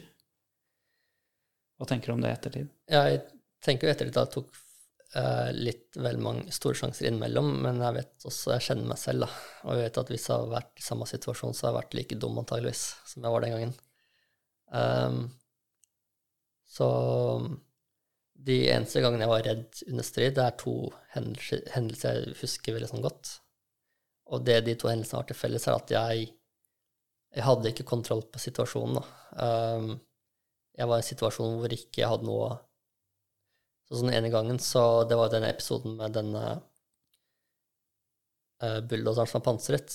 Uh, jeg følte meg veldig hjelpeløs der jeg lå med min M16. Og da, da var jeg redd. Da var jeg oppriktig redd, for da tenkte jeg at eh, ok, da Jeg får ikke gjort noe her. Den uh, bulldoseren kommer seg inn nå, over, over denne volden, og så er det over. Og den andre gangen, da var det en uh, tilsvarende opplevelse hvor vi ble pepret veldig hardt med, med raketter, mye mer enn vanlig. Og da lå jeg på tak, uh, følte meg veldig sånn eksponert, og uh, Så det er de to gangene hvor jeg virkelig følte på dødsfryktene. Mens andre ganger hvor jeg har vært egentlig mer i fare, men jeg hadde Jeg kunne Handlingene mine kunne utgjøre forskjellen om jeg levde eller dø- eller døde. Da. Altså, jeg kunne besvare ilden. Jeg kunne forflytte meg. Eh, Da, da var jeg ikke like redd, hvis det gir mening. Altså, de situasjonene hvor jeg ikke kunne gjøre noe, det var da jeg var redd, da. Mm. Følte du at du hadde en god backing fra de andre i, i, avdelingen? Uh. Nei, uh, ikke i det hele tatt. Fordi de, det var spesielt det med våpenhåndtering. da. Det er jo veldig annerledes der nede. Det var vådeskudd i hytte pine. Jeg stolte ikke på dem. Ikke at jeg trodde de ville skade meg ville, men jeg tenkte at en, en eller annen dag så kommer de her til å skyte meg ved et uhell. Og det var jo flere uh, holdt på å si close calls uh, med vådeskudd som gikk av rett foran meg. Så jeg stolte ikke på den våpenhåndteringen. Så jeg stolte ikke på at de ville holde frontlinjen eh, hvis IS brøt igjennom. Og der fikk jeg jo rett. Eh, sommeren 2016 så brøt IS inn frontlinjen vår, og det endte om at eh, folk fikk panikk og, og rømte. Ehm, så de, den eneste jeg stolte på, tror jeg var generalen. Fordi han var litt sånn uh, Han var veldig fryktløs, var det. Og jeg følte at jeg hadde veldig mye til felles med han, sånn sett. Og så var det en svensk kurder som eh, sluttet seg til avdelingen vår etter ett års tid, og som ble makkeren min, om du vil. Ja, han, eh, han hadde ingen militær eh, erfaring i det hele tatt. Han kom fra gettoen i Stockholm. Men han hadde litt mer sånn vestlig tankegang, da, som gjorde at jeg stolte mer på han enn de andre. Han jo, kunne bruke sikring på våpenet sitt og den type ting. Så vi ble veldig, eh, veldig gode venner, da, jeg og han. Mm. bare kort uh, innpå med akkurat det, eh, med tanke på hvordan man så på de andre i avdelingen sin eh, i forkant av en stridssituasjon, og hvordan man så på de som personer og soldater da, kontra hvordan eh, man så de oppførte seg i en, Mm. i en stridssituasjon. Eh, dukket opp noen overraskelser der? Var det folk du trodde ville handle på en måte, som handlet på en annen måte, og, og den type ting? Ja, helt klart. Jeg Persmørge eh, betyr jo de som møter døden. Og de har rykte på seg for å være fryktløse og for å aldri trekke seg tilbake. De kriger til dør, dør men det var ikke min Det var ikke min erfaring, da. Eh, det er ikke sånn at alle var sånn, men veldig mange var kanskje litt store i kjeften, og når det smalt, så kunne de begynt å prate om tilbaketrekning og den type ting. Da. Eh, Så det var en litt sånn skuffelse for min del. Um, det, det bildet jeg hadde av Persmaker som fryktløse jo, ble jo måtte lagt i grus da, over tid. Eh, Men det fantes jo også veldig mange flinke og dyktige folk der, og som også var eh, innstilt på å kjempe til døden, faktisk. Men, men um, ikke alle, og det er jo ikke så rart. De hadde ikke noe militær erfaring, eller altså trening, da. De hadde null trening. De hadde kanskje familie hjemme de måtte forsørge. Um, så kanskje motivasjonen deres ikke var på nivå med mitt, da. Og det, jeg kan ikke klandre dem for det, egentlig, men um, ja, det var litt sånn litt nedtur. Så den, den Hvis jeg hadde reist til en avdeling fra Forsvaret, sånn som BK-troppen f.eks., jeg hadde følt meg mye, mye tryggere. For da vet jeg hvem jeg har med å gjøre. Jeg vet at jeg kan stole på dem. Sånn, sånn var det ikke med de lokale. Nei. Og, og det var over tid så ble folk demotivert av at de ikke fikk lønn og den type ting. De kunne finne på å desertere da, og ta med seg masse våpen og ammunisjon og den type ting. Sant? Så som sagt, på slutten så vi gikk fra å være 400 mann til 100, under 150 mann. Mm. Ok. Um, Mosul var jo hele tiden eh, toppen av kransekaka, for å si det sånn. Eh, hvordan gikk det med Mosul til slutt? Det ble jo en, en stor eh, operasjon til slutt, da. Eh, det, det var det vi alle hadde ventet på. Og vår rolle i invasjonen var jo å ta eh, to byer som lå, eller én by som lå mellom oss og Mosul. Eh, og det, det, visste jeg på forhånd, men jeg, jeg hadde også litt håp om at vi skulle fortsette fremrykningen og ta Mosul etter at vi tok denne byen, som het uh, Tal Kayef, tror jeg den het. Um, så når, når Mosul-operasjonen startet, det var, det var, en veldig veldig stor operasjon, og det var liksom, nå skulle IS uh, ut, ut for godt. Um, så var vår rolle å ta denne byen, og så fikk vi beskjed om at nå har dere rykket langt nok fram her stopper dere, og så skal irakerne ta resten. Altså en sånn politisk uh, uh, det, ble, det, var sånn politisk sak, da, at kurderne de får ikke lov til å rykke lenger fram enn Tal Kayef, og så tar irakerne resten. Så det var en nedtur. Um, da hadde jeg vært der halvannet år, og så tok vi denne byen ta, som Tal Kayef. Um, møtte litt motstand, men ikke fryktelig mye. Uh, det var for det meste veibomber og, og, den type ting da, vi støtter på. Um, og så tok irakerne Mosul, men det tok i sin tid, da. Og de gikk jo på veldig, veldig store tap. Jeg tror de brukte jeg hvor lang tid de brukte, halvt år, et år, eller hvor lang tid det var. Um, så det hadde vært et halvannet år. Jeg hadde opplevd en god del strid. Uh, og jeg var jo så, selv om jeg ville ta Mosul, så var jeg også sliten.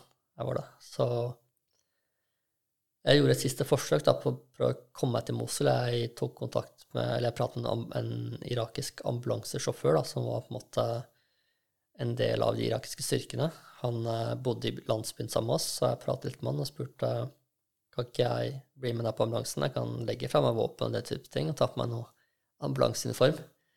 Um, men han sa at nei, det, det var uaktuelt, for det var uh, dit han skulle, og det så jeg for så vidt. Uh, det var uh, mye Altså Den ambulansen var mer som en, en, en likbil. Han jo bare lik, egentlig. Uh, den operasjonen lenge sør var jo ganske blodig. Så, så, til slutt så slo jeg meg til ro med at ok, det, det, er så langt jeg kommer, jeg kan ikke gjøre mer. Og da begynte jeg å forberede hjemreisen for godt. da. Kan du si noe om um, etter hvert som årene går og de tar Mosul, så har jo flere vestlige styrker da faktisk trukket inn og involvert seg litt. Kan du si noe om det? Ja, altså på, på fronten min så var det jo en del eh, amerikanske og franske spesialstyrker hovedsakelig. Ja, vi samarbeidet godt med de. De kom inn fronten vår, og um, Og de, i hvert fall amerikanerne, jeg er litt usikker på fransk, men amerikanerne fortsatte jo fremover da, sammen med irakerne. Så de var involvert da, i frigjøringen av Mosul. Um, men uh, ja, for, for, min del så toppet det opp der, da. Uh, hva som skjedde i Mosul ettertid, det er bare ting jeg har lest om på, i nyhetene. Liksom. Men, uh, men amerikanerne ble mer involvert over tid. da. Til å begynne med så var det kun flyangrep. og så endret til taktikk over tid, og, og det ble mer bakkestyrker. da. Og litt mer konvensjonelle bakkestyrker. Til å begynne med var det når jeg kom dit, så var de spesialstyrkene de holdt en veldig lav profil. De var sivilkledde. Kjørte sånn halvveis sivile biler. Um, uh, men, og det her var snakk om uh, Delta Force og Navy Seals og den type ting, men etter hvert så ble jo også litt mer sånn halvveis konvensjonelle styrker, altså som Marsoc, involvert, da. Uh, og de, ja, de deltok i frigjøringen av Mosul, det gjorde de. Men, uh, men var, jeg fikk inntrykk av at da irakerne var i front, da, så var de amerikanerne litt lenger bak. Mm. Noen uh, erfaringer rundt disse spesialstyrkene, hvordan de opptrådte der nede? Jeg vil si veldig profesjonelt. jeg husker når franskmennene kom til fronten første gangen. da virket det som om de, de var relativt ferske i landet. Uh, og litt usikre. De, og det er forståelig, for så vidt. Uh, så første dagen de kom til frontlinjen vår, så tok vi med dem uh, for å vise dem rundt. da. Og så begynte det å komme granatnedslag. Uh, begynte å slå ned rundt oss, og det var jo vanlig. Jeg var vant til det. Det var ikke noe spesielt ved det. Um, og jeg var der jeg, jeg viste dem rundt sammen med en amerikansk frivillig sånn, som var på en måte på frontlinjen som frivillig, sånn som jeg var. Så vi viste dem rundt. Og så begynte granaten å lande rundt oss, og så skulle vi bare forklare franskmennene at det her var vanlig. Og når vi snudde oss, så satt de i bilen sin allerede og kjørte derifra.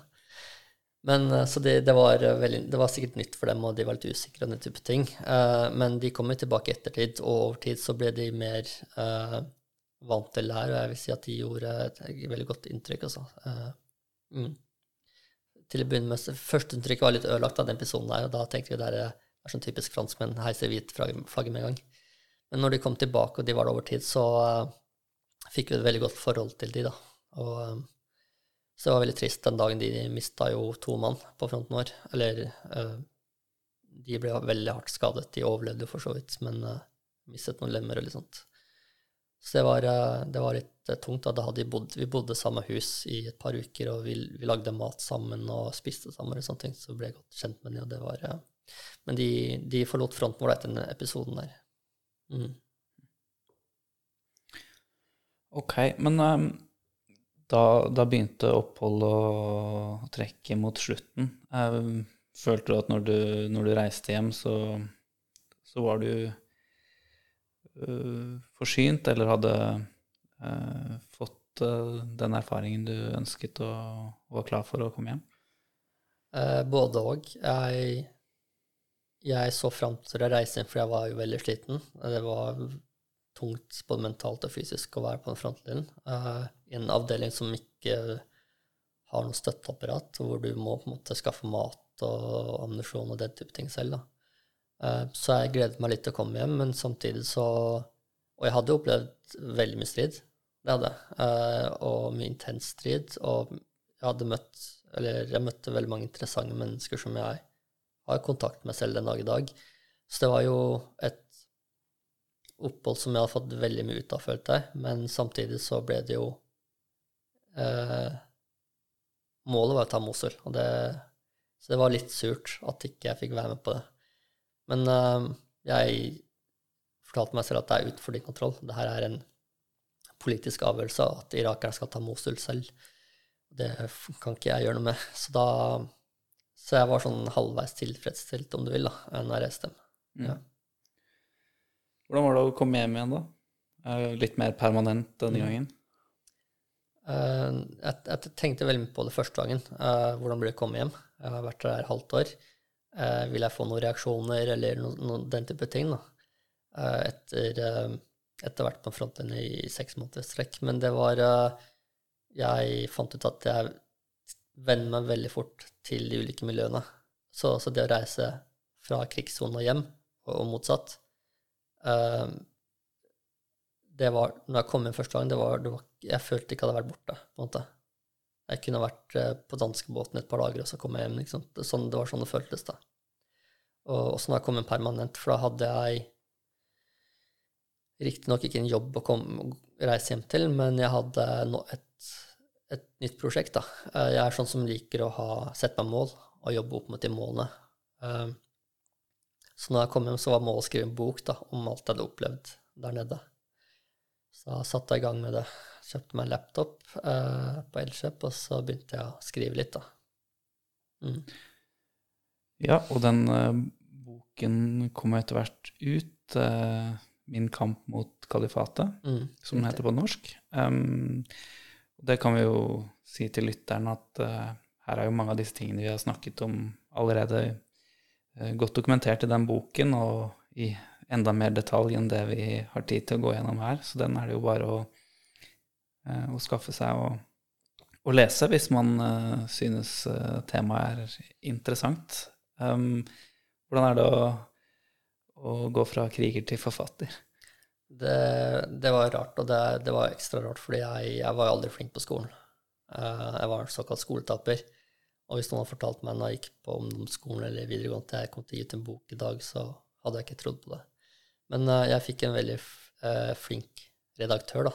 Uh, altså Opprinnelig så var planen at forlaget skulle De fant to journalister da, som skulle skrive bokene for meg.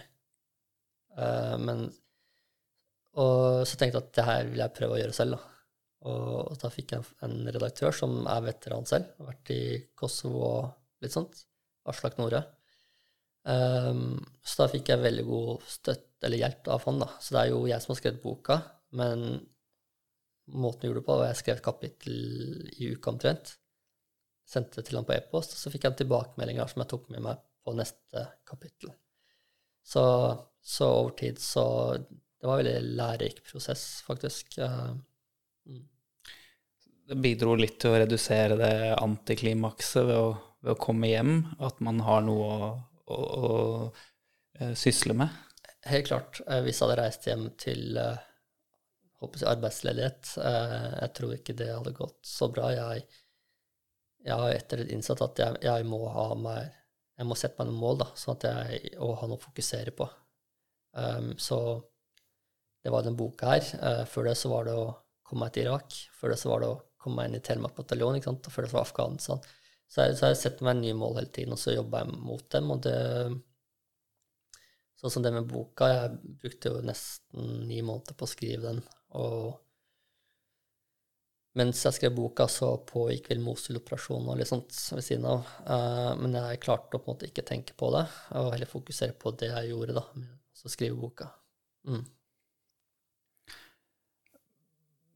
For å ta det, da, eh, hvis du ser tilbake på den tiden, um, med tanke på utstyr som har vært litt inne på tidligere, er det noe du ser tilbake på som uvurderlig utstyr? Hva var det mest verdifulle utstyret du hadde med deg, eller som du brukte eh, der nede? Mm. Uh, i, med tanke på at jeg i dag driver firma som driver med utstyr, så er det kanskje ikke populært å si, men, vil, men det er litt oppskrytt, egentlig. Uh, det som kanskje er viktig, er våpenoptikk, da. Fordi når jeg kom ned dit, så Hva du har på deg, den type ting, det er ikke så farlig, egentlig. Um, men ting som våpenoptikk Jeg måtte kjøpe egen, egen optikk. Uh, jeg ble tatt med til et annet våpenmarked hvor de solgte optikk, og kjøpte sikte M16 fra meg, fordi det jernsiktet var jo Jeg var ikke komfortabel med det. Um, og etter det så fant jeg at det var airsoft-sikte. Det var det de hadde, da. Det var ikke det de lurte meg uh, med overlegg, men de hadde, de hadde ikke ordentlig optikk. Um, så det som skjedde, var at da helt tilfeldig så var det en av mine følgere på Instagram som sendte meg en ordentlig optikk. da, Et ordentlig skikkelig sikte som jeg brukte. Jeg skjøt inn og jeg visste at nå treffer jeg. Um, så jeg vil si ting som hjelper deg med å faktisk altså treffe målet. Uh, hva du har på deg, er ikke så veldig farlig, egentlig, så lenge du holder deg varm eller tørr. Ja. Mm. Eh, Hva, hva gjorde du med når du endelig reiste tilbake til Norge for godt? Hva gjorde du med resterende utstyr du hadde? Både bekledning, vest, hjelm, våpen, den type ting? Våpen kunne jeg åpenbart ikke ta med meg hjem, så det solgte jeg til noen, noen av gutta i laget mitt til en veldig god pris, da, eh, sånn at de kunne selge videre og tjene penger. Og så ga jeg bort en god del til gutteavdelingen, Um, og de var veldig takknemlige for det, for de hadde ingenting selv. Og til og med støvlene mine ble det kamp om. Så tok jeg meg noe hjem. Um, Er det lov å spørre om det var M77, eller var det en annen variant? nei, det var ikke M77, men det var faktisk ørkenstøvler fra Forsvaret. Det var det. Så de, de funker. Ja da, de funka veldig bra der. Um, og det jeg tok meg hjem, det ga jeg bort for det meste til uh, følgeren min på Instagram. Jeg holdt noe sånne loddtrekninger, loddtrekninger og den type ting. Da. Uh, jeg tror det eneste jeg solgte, var vel den ene stridsvesten min. Jeg hadde to. Den ene la ut på auksjon på eBay, og den gikk til jeg tror to ganger prisen av det den kosta ny. Så antageligvis, når jeg tenker meg om, så kunne jeg solgt veldig mye på eBay og tjent grove penger, men jeg syns det var gøy å gi noe tilbake til de som støttet meg da når jeg var nede der nede. Mm. Ja, du nevnte det jo så vidt. Um, du driver i dag eh, Nordarm. Ehm, kan du si litt om uh, hvordan det oppsto?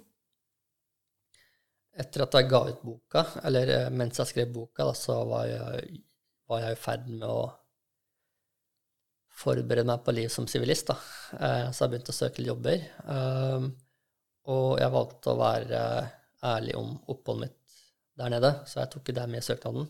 Det hadde vært der nede i halvannet år. Og det ble tydeligvis ikke godt tatt imot, da, for jeg søkte jo på bokstavelig talt over 100 jobber den sommeren. Um, og jeg ble kalt inn på to jobbintervjuer, tror jeg. Tre jobbintervjuer. Mm.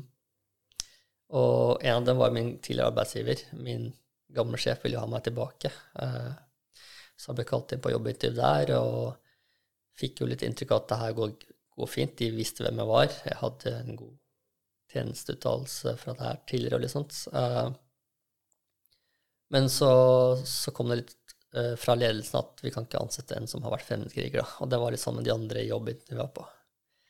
Um, så det var til slutt så var det ett firma her i Oslo som ga meg jobb, um, så det setter jeg pris på. Uh, og så jobbet jeg der i to års tid og prøvde å på en måte tilpasse meg det sivile liv. Da. Og det gikk jo stort sett bra. Jeg har uh, ikke hatt noen uh, måte, symptomer, om du vil, på PTSD og den type ting, selv om mange av vennene mine som var der nede, fikk det i ettertid. Så, så har klart meg generelt ganske bra, vil jeg si. Også, men jeg savnet jo litt liv i grønt, da.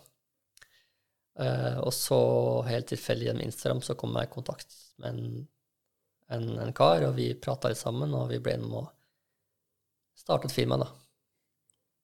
Så da startet vi Norarm.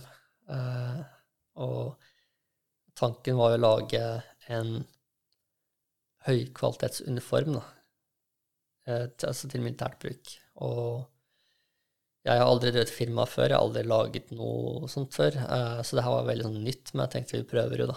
Og nå har det vel gått ett år snart siden vi lanserte nettsiden vår, og det går bra, da. Så nå er jeg i ferd med å si opp den gamle jobben og jobbe fulltid med det her. Mm. Hva er det som er viktig når uh, du lager uniformer og andre ting i, i forbindelse med Norheim? Altså, det her var jo igjen, da. Jeg har aldri firma før, aldri drevet med produktutvikling og den type ting. Vi stiftet firmaet våren 2019. Og det første halvåret så visste vi ikke hvor vi skulle starte. Eh, vi, hadde, vi var helt blanke på det. Vi visste bare at det her er noe vi vil gjøre. Så vi brukte et halvt år på å komme i gang, om du vil. Og igjen mye tilfeldigheter og den type ting. Men jeg endte opp i høsten 2019 endte opp i Pakistan. Uh, og var der en uke og lagde en prototyp uniform. Uh, basert på erfaringene jeg hadde gjort meg i, i Nord-Irak. Mm. Når jeg var i Nord-Irak, så brukte jeg en, en tilsvarende uniform, eh, som er velkjent. Og, så prøvde jo, jeg prøvde å kopiere den her, men gjøre en del endringer da, som jeg savnet på uniformen når jeg var der nede. Har du noen konkrete eksempler på hva det er? hovedsakelig knepartiet. Um, jeg brukte det som heter Crab Precision da var i Nord-Irak. Det er jo et amerikansk merke som er på en måte veldig, veldig kjent. Det er jo det beste du kan få, eh, er det mange som sier. Og det er jo nesten sant, men jeg likte ikke knepartiet på den buksen. Det er, det er eksterne knebeskyttere som har en tendens til å falle av. da. Det opplevde jeg ofte under strid og den type ting, at kne, knebeskytterne bare falt av og forsvant. Uh, så da, der har vi gjort en, en veldig stor endring. Da. Vi har uh, et kneparti som er polstret på innsiden, da, kan du, om du vil. Mm. Hva er uh, planene videre for Norarm? planene er å lansere nye produkter. Den uniformen selger veldig bra, fant vi ut. og blitt veldig populær utenfor Norge, spesielt i USA, og jeg tror det har litt med kanskje fra tiden min i, i Nord-Irak, da jeg fikk en, en ja, fanbase, om du vil, i USA.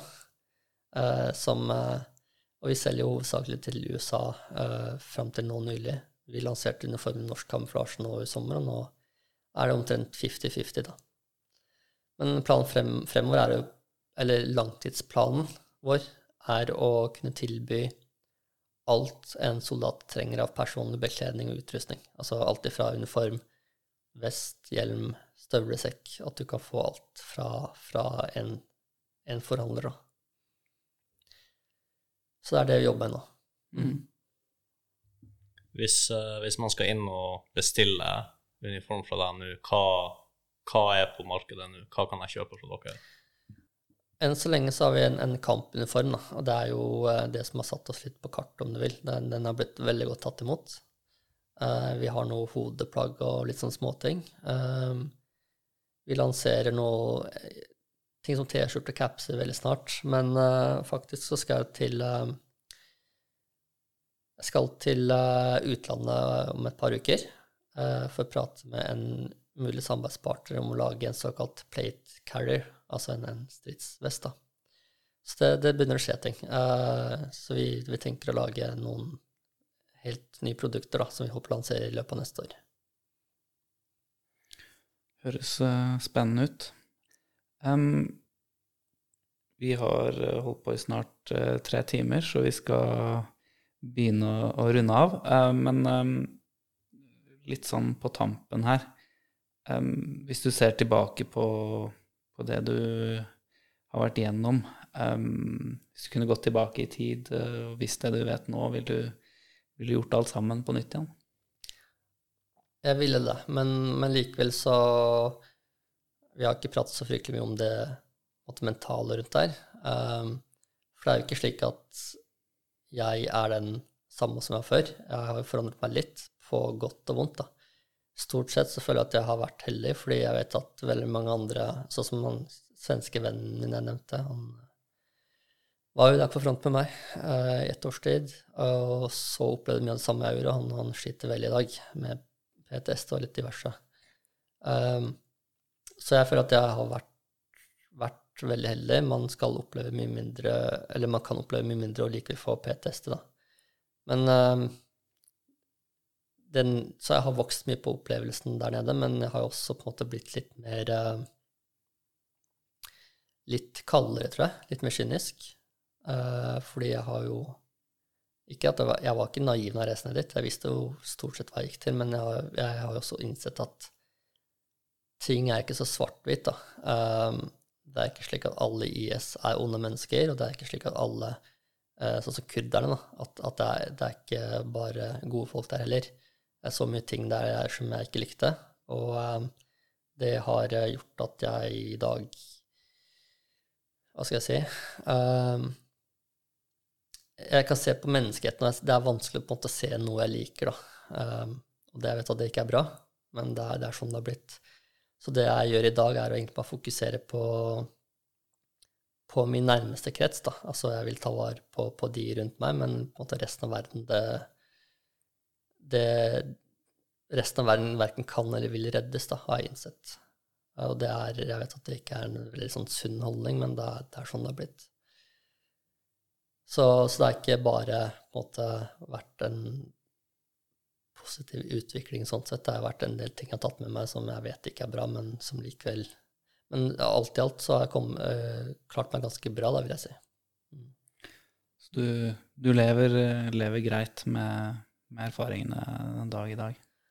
Jeg gjør det. Og så har jeg også de erfaringene, erfaringene jeg har gjort, uh, prøvd å bruke til noe positivt, da, som å starte firma og, og lage uh, bra utstyr. Og det gjør også at jeg tror igjen, jeg, jeg, må ha noe å fokusere på. Uh, nå fokuserer jeg på firmaet, jeg er veldig fokusert på det. Uh, og hadde jeg ikke hatt et firma, så Vanskelig å si. Kanskje jeg hadde fått noen etterreaksjoner, da, uh, som veldig mange andre har fått. Mm. Mm. Så det å ha noe å drive med i etterkant av en eller annen opplevelse, det, det er det, kanskje nøkkelen? Det er, det er alfa og omega. Det prøver jeg å si også til veldig mange andre som, som tar kontakt og sier at de sliter. Uh, og så ser jeg liksom på hva de gjør. Nei, de gjør egentlig ingenting. Uh, for meg da, så har det hjulpet veldig å sette meg et mål og jobbe ikke mot å oppnå målet. Sette et urealistisk mål da, som aldri kan oppnås.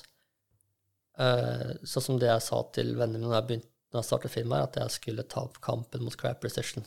Jeg, jeg, vet jo at det er umulig, fordi de er så store. Men det er målet mitt, og det gjør at jeg jobber veldig hardt mot det målet. Og selv om ikke jeg når mål, så vil sluttresultatet bli bra, da, fordi du investerer så mye tid og energi på det. Og når du er så fokusert og dedikert, så, så, tenker du ikke så mye på de tingene du, som kanskje ikke er så bra å tenke på, hvis du skjønner. Mm. Ja. Så er det, det, jeg ser det fellestrekket veldig mange som sliter eh, med PTSD, det er at de de har ikke et mål. Da. Altså, de kommer hjem, og så er, dreier hele livet seg om det de har opplevd og sett. Det er hele identiteten deres. Um, men sett deg et mål. Det må ikke nødvendigvis være starte firma. Um, by- by- for eksempel tren, da, sette et mål. At du skal delta på en ultramaraton, et eller annet hva som helst. Noe som får deg til å Noe som gir hverdagen mening, da, at du får en grunn til å stå opp om morgenen. Det er eh, det, det er alfa og omega, altså. Og det er det jeg prøver å si til alle som, som jeg ser sliter, da. Det høres uh, veldig fornuftig ut.